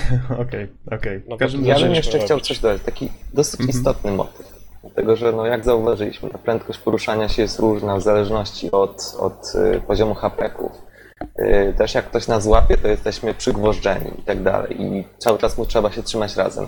I biorąc pod uwagę fakt, że levele są no, dosyć intensywne, to gra sama w sobie y, generuje bardzo dużo bardzo ciekawych sytuacji. Na przykład, kiedy wszyscy muszą uciekać, a jedna osoba jest ranna i ucieka wolniej trzeba ją osłaniać. Albo nagle trzeba się po kogoś wrócić. Ja z Noxem jak grałem, a kilka sesji już ładnych graliśmy, y, no to po prostu wyglądało to tak, że my razem oczywiście gramy z komunikacją głosową i dołącza się tam dwóch jakichś innych ludzi. Y, I po prostu z każdą sesją coś ciekawego się działo. Jakaś naprawdę typowo filmowa akcja. Na przykład no, jedna z takich akcji, że po prostu byliśmy już w helikopterze, ja z Noxem, ja byłem pierwszy, I, i po prostu nagle zobaczyliśmy, że jest ktoś tam na dole, dwa piętra niżej, y, przygwożdżony. No i po prostu tam zaczęliśmy strzelać do tych zombiaków, a, a ja, no nie wiem, no, rzuciłem się za nim na ratunek i skoczyłem, Tam, to tam, żeby tam. go uratować, no ale niestety nie udało mi się. Noxu przy okazji też spadł z helikoptera i jego postać trzymała się za krawędź. I I czwarty zaczął mnie wciągać, żeby było jeszcze bardziej wesoło. Tak, także z każdą, dosłownie z każdą sesją mamy jakieś takie fajne, dziwne, czy nawet bardzo emocjonujące fragmenty, jak na przykład ostatnio reanimowałem Bizona, znalazłem jego ciało, defibrylatorem. O, co Teraz tu leży? wyobraźcie sobie sytuację, że powiedzmy jest y, martwy gracz do, do powiedzmy tam y, skrzeszenia, skrzeszenia a, a mamy na to 10 sekund, żeby do niego dobiec i, i go uzdrowić, bo powiedzmy horda naciera i wszyscy muszą uciekać. Także, także ta gra generuje całe mnóstwo takich sytuacji. I najlepsze jest to, że te sytuacje są naprawdę na dobrą sprawę bardzo losowe. Mogą wystąpić w każdej chwili y, i, i nie są niczym oskryptowane, więc można powiedzieć, że historia pisze się sama. I Mhm. to jest moim zdaniem jeden z najlepszych motywów w tej grze. Dlatego właściwie ja lubię w tą grę grać, bo właśnie za każdym razem mamy jakąś naprawdę ciekawą historię y, z ocalałymi, ocalałymi w roli głównej. Ja tylko dodam, że postawiłeś bizona, który wcześniej umarł na nogi, bo miałeś paralizator przy sobie. I tak Defibrylator. E, Defibry... Przepraszam, defibrylator. Paralizator. Dobrze, żeś go, dobrze, żeś go w ogóle wypatrzył tam, gdzie on padł. E, dobra, to kończąc już temat e, Left 4 Dead, dodam tylko, że gra ma mnóstwo różnych trybów, mnóstwo poziomów trudności, ma tryb reali... realistyczny, tak nazwany. Czyli którym- niemożliwe. Właściwie w nim chyba, nie pamiętam dokładnie, dawno grałem w ten tryb. Chodziło chyba o to, że na przykład Friendly Fire był dużo silniejszy. Ogólnie rzecz biorąc, było dużo, dużo trudniej. Można sobie włączyć na przykład go niezależnie, czyli możemy grać na prostym, ale realistycznym, albo na ekspercie z realistycznym. No jak wiadomo, gra oferuje mnóstwo achievementów z tym związanych też. Yy, Są tryby, w których można kierować zombie, czyli takie na przykład, w których mamy normalne scenariusze, tak jak te w grze, tylko że na przykład druga drużyna kieruje zombie i próbuje przeszkodzić e, tamtej drużynie w dotarciu do celu. Jeszcze sprostuję, bo też y, Aha. drużyna ludzi jest czteroosobowa i drużyna zombie także jest czteroosobowa. Te zwykłe zombiaki są już automatycznie kierowane przez SI, a gracze, ci, którzy kierują, kierują zombie, wcielają się w te specjalne, czyli tam w boomera, jokeja i tak dalej. I oni po prostu spawnują się raz na jakiś czas. I mogą sobie nawet zresztą wybrać miejsce, w którym się spawnują. Więc można powiedzieć, że ludzie, grupa, y, grupa ludzi, drużyna ludzi gra normalny scenariusz, tak jakby normalnie grała w kampanię, a no, grupa zombie ich, i zombie im w tym przeszkadza. No i oczywiście potem y, każdy scenariusz odgrywamy dwa razy, żeby y, drużyny mogły się zamienić miejscami. Mhm. To jest o tyle fajne, z tego co pamiętam, że e, uczysz się wypatrywać takie owieczki, co to odłączą od stada. I wtedy taki koleś sobie idzie, a ty, aha, wezmę smokera i go teraz ciach, leci, nie? A nie zdążam dobiec, nie zdążam dobiec, nie? I wtedy twój kolega, który na przykład gra hunterem, takim, który się rzuca, nagle tam tego drugiego, który przybiegł na pomoc, ciap, lepi. No, I błę. Tak, tak jak mówił Don, scenariusze piszą się same. Naprawdę Pod tym względem gra jest świetna. Y, Więc trybów jest dużo. Są jeszcze takie tryby, które, w których nie mamy takich scenariuszy, gdzie musimy dojść od A do Z. Mamy powiedzmy jakiś punkt, w którym, do którego trzeba benzynę donosić i jest liczone po prostu, która drużyna, role się odwracają, na przykład zombie i, i ocale, ocaleni i która drużyna na przykład więcej benzyny doniosła, nim została wyeliminowana. No tego typu rzeczy. Więc ogólnie rzecz biorąc jest co w tej grze robić. Okej, panowie, Borderlands który, nie przypomnę, że niedługo wychodzi dwójka, więc to jest taki dość temat retrospekcyjny. Niedawno zaczęliśmy grać. Powiedzcie, jakie są wasze wrażenia w zetknięciu z Borderlands? Tak szczerze, mi najbardziej się podoba do koopa, Mhm. bo każda osoba ma swoją klasę, pewne umiejętności specjalne, które mogą pomóc drużynie, że oczywiście zależy jak rozwinie tą postać, ale tak, mogą pomóc drużynie, lecz nie muszą, jest też ratowanie, Może Towarzyszy? najpierw wiesz, powiedzmy o tym, A, jaki czym jest klimat, jest? jakie postacie, tak, co Okej. to za gra. Ach, To tak, to jeżeli chodzi o klimat, to zacznijmy ogólnie od oprawy graficznej, no bo jest dość charakterystyczna i, i jakby definiuje też po części klimat. Mhm. E, oprawa graficzna jest taka dość kreskówkowa. Mamy tutaj do czynienia właśnie z cel shadingiem. E, no i w ten taki cel shadingowy świat e, trafia czwórka poszukiwaczy, e, która musi trafić, która chce zna- znaleźć raczej skarby w jakiejś tam krypcie na takiej pustynnej planecie. No właśnie, to jest właśnie ciekawe, bo ja na początku myślałem, że to jest jakiś taki świat yy, po apokalipsie, bo tak to wyglądało. Mamy jakąś pustynię tutaj, domy poskładane ze sklejki, wiecie, takie, czy tam jakieś bunkrowe, takie dziwne science fiction. Yy, A tu się okazuje, że to jest zupełnie inna planeta, nazwana bodajże Pandora. Nie ma zupełnie związku z, z awatarem, chociaż Don doszukiwał się tutaj teorii spiskowej, że wszystkie drzewa już wycięli i to jest wiele lat po awatarze. No dokładnie. Dalej się się utrzymuje przy tym. Spodobał Albo mi się ten po motyw. prostu y, maszyny przejęły władzę nad światem, zmieniły nazwę nad planetą i wtedy one wyginęły i no. Resztę Potem to, znacie. do, potem to dopracuje, tak? Okej. Em, No, w każdym razie kontynuuj, Norbert. Ja właściwie przyznam, że fabuła jest w tej grze jakaś. Faktycznie oni szukają tej krypty. Są tam jakieś teksty do, do questów, ale kurczę, jak Ale. się gra w cztery osoby, no właśnie, to nie idzie tego w ogóle śledzić w żaden sposób. No właśnie, wszystko jest, znaczy może większość jest taka, że trzeba to czytać, Mhm. aczkolwiek ten główny wątek on nie jest zbyt rozbudowany, jeżeli chce się tylko słuchać, no bo od czasu do czasu pojawia się taka postać w rogu, która nam coś tam mówi. Dziewczyna, pewnie zwróciliście na nią uwagę. Tak, tak, to akurat Tak. zgadza Jak się chrzania przed, przed, przed, przed oczy, no to nie trudno nie zwrócić. No właśnie. Nie da się pominąć, nie da się wywalić. E, a, ale ona nie przeszkadza moim zdaniem, no bo to, to jest tak w rogu. E, No nie no, bardzo dobrze, no chociaż, chociaż trochę nas y, uświadomi co do fabuły, bo tak to nic. Tak, właśnie o to chodzi, że jakby ten główny wątek jest przez, przez to pokrywany i jest ok. E, tak, co do tempa rozgrywki i tego, jak w ogóle ona wygląda, no to jest to RPG, więc zdobywamy poziomy, zdobywamy nowe ulepszenia, e, nowe bronie. Nasza postać się rozwija. mm, Cztery klasy. Nie wiem, może nie będę ich teraz e, szczegółowo opisywał, ale generalnie znacząco się między sobą różnią. Oczywiście każda może korzystać z broni podstawowej, ale ma taką umiejętność specjalną, która potrafi zmienić losy bitwy. To może ja szybko wymienię. To był Okej. żołnierz, był hunter, który był czymś w rodzaju snajpera ze swoim orłem, tak? Tak, Tresowanym. Była, najlepsza postać. była wiem, że nią grasz. Była Syrena, y, jedyna kobieta w drużynie z jakimiś takimi mocami dodatkowymi. Y, I Berserker? Tak, Berserker, który potrafi... Bizon bez szyi. Bizon bez szyi, który potrafi okładać pięściami, jest najwyższy w drużynie. No. Tak. No, ale ja mogę powiedzieć o coś od siebie. Mi się, ja początkowo, kiedy odpaliłem tą grę, odpaliłem na singlu, tam chwilę pograłem, żeby zobaczyć, co to w ogóle jest, czym to się je, y, to ja się obawiałem, że po prostu tutaj nie będzie miejsca dla tych różnych klas, że powiedzmy, jak ja sobie wziąłem tego snajpera, no to już przegwizdane, że w ogóle się nie dopcham, bo wiadomo, że snajper to kojarzony jest raczej z taką y, no, cichą akcją, zaczajeniem się i zdjęciem z odległości, a nie szarżowaniem. Mhm. Y, Natomiast, natomiast bardzo mi się spodobało to, że te postaci faktycznie potrafią ze sobą dobrze współpracować i uzupełniają się na polu bitwy. Y, Czyli na przykład Geksen bardzo rozwinął sobie umiejętność wieżyczki bojowej, którą stawiał i w obrębie tej wieżyczki, która oczywiście nachrzaniała do wrogów, y, myśmy odzyskiwali hapeki, a potem i amunicję. Ja miałem overpowered sniper rifle, który, którego kocham i uwielbiam i ubustiam. Y, Na dwa hity potrafił przeciwnika y, ściągnąć na 2000 hapeków.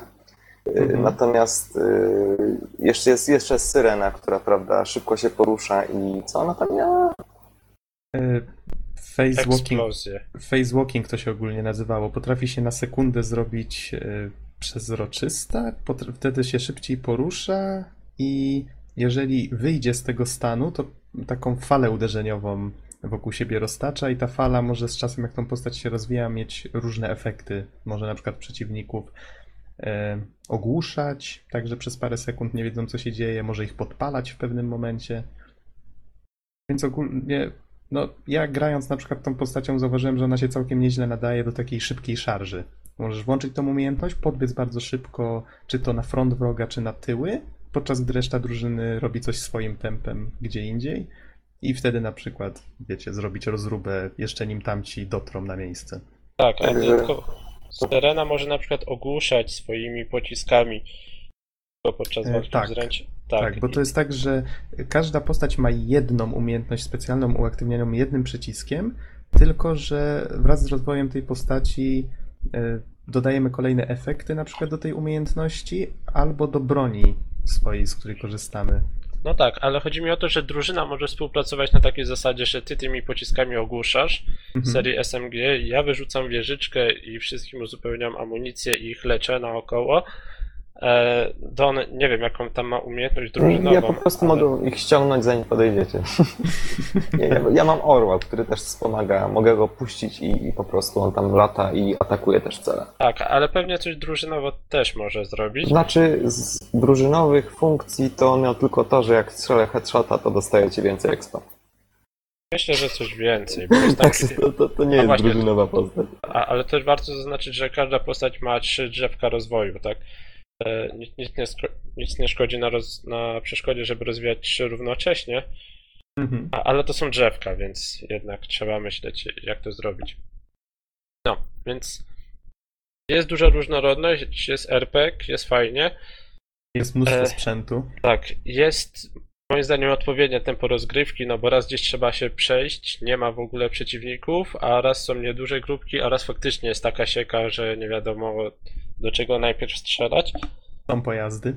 Tak, są pojazdy. Chociaż Wiesz są co, trochę biedne. tempo, tempo rozgrywki jest dobre, ale do momentu, kiedy zaczynasz taki straszny backtracking, jak zaczynamy próbować bić większą ilość zadań, to po prostu przechodzimy planszę w z powrotem niezliczoną ilość razy. Mhm, tak, to też prawda. To jest wtedy bardzo odczuwalne. Zwłaszcza, że lokacja wygląda tak samo. Tak, lokacje są dość podobne w większości, bo to są je- taki, taki dość pustynny klimat. I czasem można się naprawdę znudzić chodząc już tak pod koniec gry. Właściwie w pewnym momencie odpaliliśmy sobie dodatki DLC, bo my mamy tą edycję Game of the Year Edition, tak? Ze wszystkimi dodatkami. I faktycznie okazało się, że w tych dodatkach lokacje są już w innych klimatach i tak żeśmy wręcz to przywitali z taką ulgą. Wow, jakieś inne kolory, inne otoczenie, drzewa. Wcześniej sama pustynia, tylko skały brązowe. Chociaż trzeba no, moim zdaniem przynajmniej po prostu po 3-4 godzinach już inna lokacja powinna być. Najlepiej zupełnie różniąca się od poprzedniej. Mhm. Bo, bo, bo tak naprawdę no, nawet najwytrwalszy gracz po prostu no, ma dosyć, kiedy już cały czas to samo ogląda. Jedyne urozmaicenie to są jakieś, tam w pewnym momencie jakieś podziemne bunkry, żeśmy zwiedzili. Yy, Gra ma cykl dobowy, czyli zmienia się ten noc, dzień, ten cykl, więc to też trochę wpływa na, na otoczenie, ale to wiadomo, że w pewnym momencie widać strasznie tą powtarzalność. Właściwie już w pewnym momencie my właściwie żeśmy tej gry nie przeszli. No jeszcze daleko, daleko, Daleko, do przejścia. No, Jakieś bo- 20 godzin. No Jak właśnie, nic. bo Bizon i Norbert wy przeszliście ją już wcześniej sami, tak? Tak. No właśnie. A myśmy My- ile? Z 12 godzin chyba natrzaskaliśmy. O, ale to, to jeszcze daleko, daleko do końca wjeżdżam. Więc w każdym Bardzo. razie my z No. Donem... Wiesz, to jest gra, którą da się y, w porównaniu na przykład do robotów przejść samemu i nie nudzić, bo natomiast roboty przychodzone już samemu to jest tragedia. No. Mhm. Tak. Tylko, że tutaj z kolei można przechodząc samemu skupić się na świecie, czytać opisy, prawda? Tak, Trochę jest inaczej bardzo grać. dużo tekstów, y, dużo opisów y, do misji i tak dalej. Y, bardzo humoru dużo też. broni, humoru, Mhm. więc ta gra w pojedynkę jest również interesująca. Mnie, może to się komuś przyda, przydat... może komuś to się wyda przydatną informacją. Mnie się ta gra skojarzyła troszeczkę z takim próbą przeniesienia MMO do singla, czyli mamy jednak te questy, idź od A, zrób B, No ja myślę, że to jest po prostu takie Diablo 2. Po prostu. No tak, bo, bo też tak y, mówiono o tej grze właśnie, że to jest takie Diablo, tylko że strzelamy, tak? Mhm. w konwencji FPS i faktycznie tak to jest. Tak to jest zrobione, bo na przykład jak wracamy w jakieś lokacje, to odnawiają się ci sami bossowie, możemy ich zabić jeszcze raz, nabiec sobie doświadczenie, e, znajdujemy losowo wypadające przedmioty. Tak, to jest Diablo. No, Ja to- mogę od siebie dodać, że tylko spodziewałem się jakichś lepszych pojazdów jeszcze, bo, bo na dobrą sprawę w podstawowej wersji mamy tylko y, dwa, dwa rodzaje pojazdów i one różnią się tylko, dwuosobowe i one różnią się tylko tym, że, że, że jeden ma karabin maszynowy, drugi rakietnicę, ona jest zabójcza oczywiście, no ksu nie strzelaj teraz drugi raz. Nie Y, podobał ci się różowy szerszeń? Był genialny. No. Natomiast, natomiast y, jest strzelec kierowca, no i tyle. No i fajna rzecz, bo można na przykład y, w dwa samochody jechać po dwóch, po dwóch graczy, ale ja osobiście spodziewałem się jakiegoś na przykład jednego pojazdu, też, też jednego pojazdu na cztery osoby, na przykład coś takiego. Natomiast, ale to, to dodatkowe pojazdy są w DLC. no właśnie, i my- kurczę, mam nadzieję, że dożyjemy do tego czasu, żeby sobie to pograć. No bo właśnie nie mamy odpowiedniego poziomu, żeby jeszcze pójść tam niestety. Aha. Bo problem jest taki, że my z Donem właściwie, no tak jak wspomniałeś, wiele żeśmy nie przeszli, a my już poczuliśmy się trochę przejedzeni tym stylem. Rozgrywki, y, grafiki, to wszystko, no nie wiem, wydaje mi się, Don, że dobrze mówię, tak? No już w pewnym momencie No tak, stwierdziliśmy, że... już po prostu, no, chyba z, z 9 godzin przerobiliśmy na pustyni i uff. Bo to jest taka No, gra no, do no tak, dawkowania no. sobie, do, do wracania od czasu do czasu. Ja Mhm. przynajmniej grałem w takim systemie, że, że, że potrafiłem robić kilkumiesięczne przerwy i wracać i znów grać na przykład przez dwa tygodnie. Mhm. To, co jeszcze, o czym żeśmy nie wspomnieli w sumie, to y, fajnie, że mamy tutaj te postacie, które w sumie wyglądem znacznie się różnią, prawda? Co prawda w tym przypadku nie mamy jakiejś fabuły wokół nich, jakichś takich ich prywatnych historii. Może tutaj wrócę na sekundkę. W Shoot Many Robots w ogóle nie było czegoś takiego. Każda z tych postaci wydawała się identyczna. W Left 4 Dead 2 z kolei każda z tych postaci ma własny charakter. W pewnym momencie przenieśli do dwójki postacie z jedynki, więc jest osiem takich postaci. Każda jest troszeczkę inna, ma własny charakter, rzuca własnymi odzywkami. One nawet ze sobą Ale- rozmawiają. Więc to jest fajne. że- Mhm. Że wybór postaci nie ma żadnego wpływu na styl rozgrywki. Tak, na klimat. rozgrywki nie, ale sprawia, że faktycznie możemy się troszeczkę mm, Utożsamić. Ja na Utożsamić. przykład zawsze chodzę nikiem. Ten koleś w białym garniturze. A, no, Sygnetem. jak ktoś gra coachem, no to też, no, może troszeczkę, Okej. wiecie, maybe the e, helicopter is made of chocolate, eh? No właśnie. E, No to wpływa troszeczkę na klimat, na, wiecie, no niektórzy zwracają na to uwagę, niektórzy nie. W przypadku mówiąc jeszcze, może ci przerwę. Mhm. Y, Kiedy coach w pewnym momencie zginął, to y, postaci często wymieniają między sobą jakieś tam, jakieś powiedzonka między sobą, dialogi są dodatkowe. Kiedy No coach tak, właśnie zginął, ta postać, y, to nagle jedna z postaci mówi, słuchaj, on miał coach na imię czy na nazwisko? tak, tam jest mnóstwo takich dialogów sytuacyjnych, to jest fajne. Z kolei w Borderlands y, chyba nie mówią w ogóle te postacie. Nie. Mówią. Mówią? mówią. No, no przecież y, twoja syrena czasem się śmieje i ha, ha, czy coś Aha, tak. No tak, jak jej coś Faktycznie. wyjdzie, to, to wtedy ciężko się nie uśmiechnąć, ale e, Tak, więc faktycznie ma taki mówią. śmiech wtedy szatański. A, ale nie tylko, to też w jakichś innych sytuacjach. E, Nie wiem, chociażby kiedy się zamieniają pos- tymi miejscami A w faktycznie. samochodzie, kiedy chyba wskrzeszają się tak samo. I kiedy skrzynkę się otwiera z broni. z No, broni. więc A, tak też to jest, też to jest. No dobra, czyli jest na mniejszym poziomie jakby abstrakcji niż w Left 4 Dead 2, ale też fajnie, że o to zadbano, że każda postać ma taki twój, swój troszeczkę własny charakterek. Więc to tak może od tej strony do tych trzech gier podejdę przez sekundkę. E, Powiedzcie o czym żeśmy jeszcze nie wspomnieli w przypadku Borderlands. Mówiliśmy o tym, że jest bardzo podobne do Diablo, to myślę bardzo dużo tłumaczy e, ten styl rozgrywki, że to jest FPS, że jest połączony z RPG-iem, że mamy otwarty świat, że jest dużo backtrackingu, że mamy questy poboczne, główne. Że jest współpraca. Tak, że jest te- współpraca, też trzeba stawiać na nogi towarzysza. Yy, A, no i że trzeba te umiejętności tak, można te umiejętności tak wykorzystywać, żeby A i faktycznie jeszcze y, przypomniałem sobie, że tak samo jak w Left 4 Deadzie, y, czasem dochodzi do sytuacji, w których po prostu postać leży i musi być uratowana, natomiast y, różnicą y, w porównaniu do Left 4 Deada jest taka, że jeśli podczas tego, no powiedzmy, umierania y, zastrzelimy kogoś, no to wtedy mamy taką drugą szansę i wtedy sami samodzielnie wstajemy.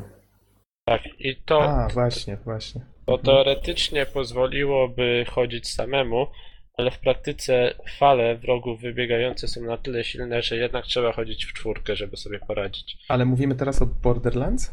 Tak, Tak. Aha, nie, bo to tak, to chodzi po prostu o to, że jeżeli nie ma akurat nikogo w pobliżu w Borderlands, żeby nas postawić na nogi, to jeżeli uda nam się jakiegoś przeciwnika słabego na przykład, no albo silnego ubić, no to po prostu automatycznie wstajemy. No tak, tam faktycznie jest taki element. Z kolei inna rzecz, o której mi teraz żeście przypomnieli, w Borderlands to, co mnie strasznie uderzyło, to to, że nie istnieje właściwie żaden sposób ukarania gracza za porażkę. W, w, w Shootman i Robots, jak się zginęło, to nie było chyba respawnu, prawda? Nie, dopiero przy następnym checkpoincie. No właśnie. Y, W Left 4 Dead tak samo. Jeżeli ktoś zginął, to dopiero jak reszta doszła do safe house'a, albo były też takie momenty, kiedy był na przykład jakiś budynek i nagle Ktoś się znajdował się w szafie. Tak, tak, że ej, wypuśćcie mnie, wypuśćcie. O, znalazłeś w szafie kogoś, nie? No i wtedy postacie się witają tak, jakby się nigdy wcześniej nie znały, no. A w Borderlandsach natomiast po prostu płacisz gruby cash za to, że się odwracasz. No to gruby to jest właśnie...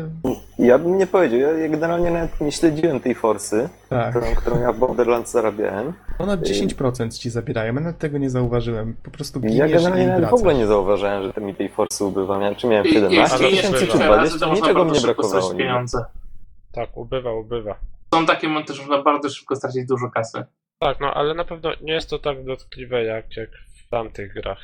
Innymi słowy, jak zginiesz w Borderlands, to właściwie co się stanie, jak cała drużyna zginie u bossa na przykład? Wszyscy wrócą do checkpointa po prostu? Tak, no to wszyscy Tak. widzimy światło, no i koniec. Właśnie widać taki tunel. I, I to właśnie, to właśnie sprawia, że ta gra też cierpi trochę na ten syndrom tego, to tak jak Shoot Many Robots, że w pewnym momencie robi się po prostu za prosta. Wiem, że można pójść do jakiegoś miejsca, gdzie jest dużo trudniej i wtedy pewnie znowu by się zaczęło, że o, trzeba współpracować i tak dalej. Ale to jest właśnie to niebezpieczeństwo takich gier, które opierają się mniej na zręczności, jak na przykład Left 4 Dead, a bardziej na statystykach, na cyferkach, które się zwiększają w zależności od postępów i tak dalej. Ale to jest ten typ gry i wiesz, tutaj się nie da tego realizować inaczej, tak? Mhm. Tak, ale moim zdaniem jest to fajnie zrobione, no bo jednak to, to nie tylko, że ci się zmieniają cyferki, tak jak w robotach, tylko zyskujesz też nowe umiejętności, a raczej no ta twoja podstawowa umiejętność zyskuje nowe cechy. To też trochę zmienia rozgrywkę. Mhm, tak, to też prawda. Bo w robotach to po prostu masz silniejszą broń, tak? I tyle. A tutaj jednak masz, że no nie wiem, dłużej ci potrwa ten facewalking albo że cię dodatkowo leczy, to, to też wiesz, wtedy Mhm. będziesz go używał w innych sytuacjach niż normalnie. Tak, A to tutaj prawda. poza tym skill w Borderlandsach jest ważniejszy, bo tutaj faktycznie trzeba strzelać celnie, trzeba robić headshoty i tak dalej. A, No właśnie. A w robotach zalicza, to tak? właściwie nie ma żadnego znaczenia, tak? Ładujemy dookoła jak, jak popadnie. Tak, Właśnie, to właśnie. prawda. Za headshoty dostaje się, znaczy zadaje się krytyki. To zapomniałem o tym wspomnieć. Tak, albo niektóre są takie skagi, takie psy, nazwijmy to, e, Mhm. które mają bardzo silny pancerz z przodu i lepiej strzelać do nich z tyłu, albo kiedy mają otwartą paszczę, to to im w paszczę strzelać. No, w robotach też są niby takie jakieś takie rzeczy, ale to jest y, A, marginalne w porównaniu do tak. Borderlandsów. Mhm. Więc, więc tutaj skill też się liczy. Wiecie, powiedzieliśmy już dość sporo. Ja wiem, że tutaj chcecie jeszcze wspomnieć o innych grach, ale to może zastanawiam się, czy nie zostawimy tego troszeczkę na później. y, W sensie na następny ten. Już za chwilę podsumujmy. Powiedzmy jeszcze tylko o wadach Borderlands, bo ta gra napsuła nam trochę krwi też z kilku powodów i myślę, że warto o tym wspomnieć. Łączenie się w mój Słucham. serwer, łączenie się w serwer. Tak. W skrócie, tak. Y, Innymi słowy, połączenie czterech osób y, na serwer to jest gra sama w sobie i zazwyczaj przed każdą sesją trwa 40 minut. Jak rosyjska ruletka. Trochę tak. To znaczy, od razu powiem, że my gramy na tym oficjalnym serwerze, łączymy się przez serwis GameSpy i faktycznie rodzi to spore problemy. Czasami się zdarza, że łączymy się bez najmniejszych problemów, innym razem, pomimo wysyłania mnóstwa zaproszeń, zdarza się, że nie możemy się połączyć przez 15-20 minut. No jest to trochę problematyczne. Słyszałem od znajomych, że grali po prostu po lanie, bo taka możliwość też jest. Tylko my gramy w wersję Steamową, próbowaliśmy przez Hamachi. Fani na forach twierdzą, że da się to zrobić, ale też no, wymaga to tam troszeczkę różnych konfiguracji. No a niekoniecznie chciało nam się w to bawić akurat, więc no, To znaczy, wiecie co, to już Były z tą grą takie dziwne rzeczy wynikły, że no nie że czasem y, wydawało nam się, że od tego, czy się połączymy, zależy, czy na przykład Noxu zaprosi Gexena najpierw, czy mnie najpierw zaprosi. Albo czy w ogóle układ planet ma na, to jakieś znaczenie. Albo jeśli już w ogóle się połączymy, to nikt nie oddycha, nikt nie rusza myszką. W ogóle wszyscy start i już, bo, bo naprawdę, bo zaraz się rozsypie to wszystko. Także tak to wyglądało. raz jeszcze trzeba się... wspomnieć o tej głupocie w- z wpisywaniem kodów seryjnych, gdzie okienko nie wyskakuje. Trzeba się domyśleć, czy ono jest gdzieś pod spodem gry. Tak, To jest w ogóle się. kosmos. Chodzi o DLC. Niektóre DLC wymagają, dwa bodajże, wymagają wpisania CDK-a, CDK-a i Steam ma takie małe okienko, w którym można sobie skopiować, tylko gra to okienko blokuje. Ono się wyświetla, ale nie możesz go włączyć.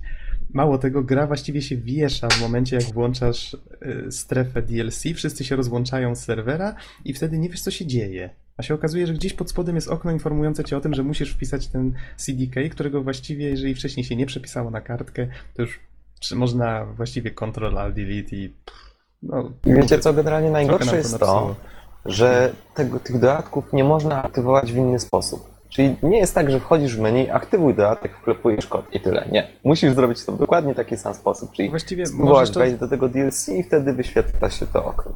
czyli w singlu też możesz, no tak właściwie pewnie to zrobić. E, No ale my akurat żeśmy zawsze włączali multi, więc tak jakoś wyszło. E, No to myślę tak o wadach, no ale tak jak wspomniałem, znajomy mówił, że grał po lanie i nie miał właściwie żadnych najmniejszych problemów. Dobrze, panowie, czas na podsumowanie, bo już tutaj prawie półtorej godziny mówi, mówimy, więc myślę, że czas najwyższy kończyć. Powiedzcie, która. Niech każdy może wybierze, która z tych trzech gier według niego najlepiej się nadaje, najfajniejsza jest właśnie do takiej gry w cztery osoby i dlaczego? To, to może ja zacznę takie moje krótkie podsumowanie, więc Menu Robots jest najprostsza, tak, w swojej mechanice i najbardziej odmurzająca. To nie, niekoniecznie jest złe, no bo pozwala się zrelaksować, tak. Mhm. E, Left 4 Dead dla mnie za szybkie i jakieś takie zbyt szalone. Brakuje mi też trochę jakiegoś takiego rozwoju. Ja lubię takie rzeczy, nie? Więc Mhm. Left 4 Dead mi nie do końca podpasował. E, No i Borderlands, gdzie mamy właśnie rozwój, mamy różne postaci. Trochę faktycznie może się znudzić po, po dłuższym pograniu. Aczkolwiek jednak dla mnie faworytem jest e, właśnie Borderlands. A, Mhm. przepraszam, tam się chyba zamotałem. W każdym razie Borderlands mi się podobają, bo są to różne postacie, jest rozwój. E, No i ogólnie też potrafi być wesoło i zróżnicowane tempo rozgrywki. Okej. Okay. Bizonie, może teraz ty? Taką najszybszą gierką i naj, dającą najwięcej fanu na pewno będą, będzie Shootman Robots, dlatego Mhm. ja bym polecał na takie szybkie, wieczorne granie przed spaniem godzinki. Godzinkę, może dwie. Natomiast jak ma się troszkę więcej czasu i chce się pograć, to polecałbym tutaj te Borderlandsy. Można się wciągnąć, zacząć troszkę inwestować w swoją postać. E, Natomiast Left 4 Dead mm, jest, jest bardzo fajną grą, ale mnie osobiście troszkę nudzi, może dlatego też, że już troszkę w nią pograłem i po prostu to jest taka gra, że nie do końca chce mi się do niej wracać. Mhm. No to teraz ja. John. Y, I E, Czy, oczywiście, poczekaj, że Biza- lubię... Czyli jeszcze raz powiedz, która z tych trzech według ciebie najlepiej się sprawdza? Mm, No, takie szybkie pogranie sobie wieczorem z kumplami, to zostanie Schutzman Robot. Aha, okej. Dobra, to teraz ja. Y, I oczywiście ja lubię za- zabierać się do wszystkiego z odpowiednią kolejnością, więc zacznę od tyłu. Y, Shootman Robots na ostatnim miejscu, dlatego że jest dużo takich zagadnień z tym poziomem trudności, czyli no, jeśli ktoś, y, no, po po prostu jeśli jest grupa ludzi, którzy są na różnych poziomach, to, to trudno się zgrać tak, żeby ten poziom trudności był faktycznie taki, jaki powinien być. Czasem jest za łatwo, czasem jest po prostu kosmicznie trudno. Mm, Aczkolwiek myślę, że to, to, to nie jest aż taki duży problem. Gra jest generalnie prosta, tak jak e, chłopaki tutaj powiedzieli. No, mi się średnio podoba. Ze względu na tą powtarzalność. E, Przed, drugie miejsce zajmuje u mnie Borderlands. E, Mamy fajne postaci, bardzo takie jaskrawe, charakterystyczne. Dobrze, że każda ma swoje cechy, każdy może się w nią wczuć, rozwinąć sobie ją tak, jak sobie życzy. Yy, No i oczywiście to jest też świetnie zrobione, że jednak ta współpraca istnieje, że na, na przykład nawet snajper potrafi dobrze walczyć i znaleźć swoje miejsce w drużynie, a nie tak, że powiedzmy chodzi i po prostu no, nie, nie ma jak walczyć, czyli, czyli jest dobrze. Natomiast dużą wadą jest powtarzalność, powtarzalność i jeszcze raz powtarzalność, także no, ja osobiście się cieszę, że, że myśmy dorwali tą grę razem z DLC, bo gdybym miał cały czas widzieć tą pustynię, no to, no to, nie, no to chyba musiałbym z wiadrem na żygi grać. Yy, Po prostu już nie da rady inaczej. Na pierwszym miejscu Left 4 Dead 2. Mm, Postacie są bardzo fajne, charakterystyczne, mm, mają swoje odzywki, też się da w nie wczuć. Ja na przykład lubię grać nikiem i już, i, i nikim innym. Yy, Natomiast, yy, jak powiedziałem wcześniej, najlepszą częścią, najlepszą cechą tej gry jest to, że faktycznie mm, na wszystkich tych poziomach, we wszystkich sesjach gra sama sobie generuje takie, no, bardzo, bardzo interesujące i emocjonujące scenariusze z ocalałymi, czyli po prostu, z ocalałymi, czyli po prostu, no, tu gdzieś pobiec szyb, szybko nagle, tu się gdzieś bronimy, tutaj trzeba kogoś zreanimować. Naprawdę dużo jest takich ciekawych, fajnych sytuacji filmowych, wręcz filmowych, dlatego y, no ja z Noxem przerabiam Left 4 Dead po kolei sobie co parę wieczorów i, i myślę, że, że z tych wszystkich gier y, ta jedna zajmuje u mnie no, po prostu pierwsze miejsce. Mhm. To ja w takim razie dodam krótko, że właściwie wymieniliście wszystko, o czym można by było powiedzieć, czyli Shoot Many Robots jako taki typowy rozluźniacz, ok, żeby sobie odpocząć po ciężkim dniu. E, Borderlands troszeczkę jest taką mieszanką i jednego, i drugiego, czyli i trochę skilla, i trochę takiego rozluźniacza. Faktycznie jest to taki troszeczkę złoty środek między jednym i drugim. A Left 4 Dead 2, przyznam szczerze, mnie akurat, jak się tak zastanawiałem nad tym teraz, też byłem w takiej sytuacji jak Bizon. Ja tą grę właściwie kupiłem po premierze za namową znajomych. Grało mi się w nią super przez pewien czas, potem też się nią znudziłem. Odłożyłem ją mm, i teraz właściwie wróciłem do niej. Okazuje się, że tam jest nagle nie pięć map, w sensie tych y, filmów, scenariuszy, tylko nagle się pojawiło osiem nowych. Część jest chyba z jedynki przeniesiona zupełnie, razem z bohaterami.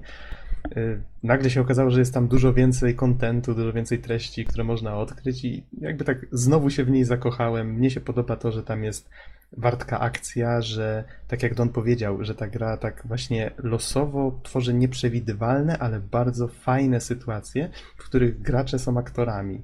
I to zawsze, to zawsze działa, zawsze wychodzi coś fajnego. Po prostu jak się gra ze słabymi graczami, też może to być y, fajna okazja do fajnych scenariuszy, bo ci gracze po prostu muszą szybko nauczyć się, oni podświadomie uczą się, co powinni robić, żeby, y, żeby sobie radzić. No, mnie się to A akurat przy okazji też trzeba ich ratować, więc Przy to okazji też trzeba ich ratować, co, co też jest częścią atrakcji, no jakby na to nie patrzeć, prawda? Więc ogólnie rzecz biorąc, też przyznam, że mnie najbardziej się podoba Left 4 Dead do takiej gry, bo, bo rodzi emocje. I rodzi bardzo konkretne emocje i faktycznie ja lubię się tą grą emocjonować. Pod tym względem jak najbardziej na plus. I myślę, że to w sumie tyle. Jak widać, kurczę, nie spodziewałem się, że to będzie taka rozbieżność zdań, ale to pokazuje, że faktycznie są potrzebne różne rodzaje gier do, do koopa. No, Patrzcie, bardzo fajnie nam podsumowanie wyszło. Wiem, że chcielibyście jeszcze wspomnieć o innych grach. Tutaj widzę, że Mountain Blade Coop, y, żeście wspominali o nim na Skype'ie. Y, Moglibyśmy jeszcze o tym Team Fortress 2, ale zostawimy to chyba na jakiś inny raz. Może znowu zrobimy jakieś takie podsumowanie tylko z jakimiś innymi właśnie trzema grami. Myślę, że to całkiem fajnie wyszło. Myślę, że całkiem niedługo będziemy mieli do tego okazję. Mhm. No będzie na, na pewno, na pewno. Więc zaplanujemy coś takiego sobie wcześniej. Yy, I tak jak ciekawostkę jeszcze wspomnę, że to który raz żeśmy o Borderlands mówili na tym podcaście? Piąty? Czwarty? Chyba, chyba czwarty, tak realnie rzecz patrząc. Realnie rzecz patrząc. I co, To, co to było gra, mocno jest, myślane. Czas już spać, tak. gra jest jednak warta omawiania. No, jeden z pierwszych podcastów Borderlands, potem Borderlands, potem już w pełnej ekipie w czteroosobowym składzie Borderlands i teraz znowu Borderlands. O. Zaraz wyjdzie dwójka Borderlandsu i pewnie znów będzie okazja do rozmowy. Ale to, co mi się podoba w zwiastunie dwójki, to to, że ta gra faktycznie może być bardzo różnorodna. Więc Tak, tak, zdecydowanie starają się poprawić e, błędy z e, jedynki. Więc może faktycznie będzie niedługo okazja, żeby znowu zrobić takie potrójne zestawienie. Dobrze, nie zanudzamy już. Dziękujemy Wam bardzo za słuchanie i do usłyszenia w następnym podcaście. Trzymajcie się. Trzymajcie się na razie. Do usłyszenia. Ja?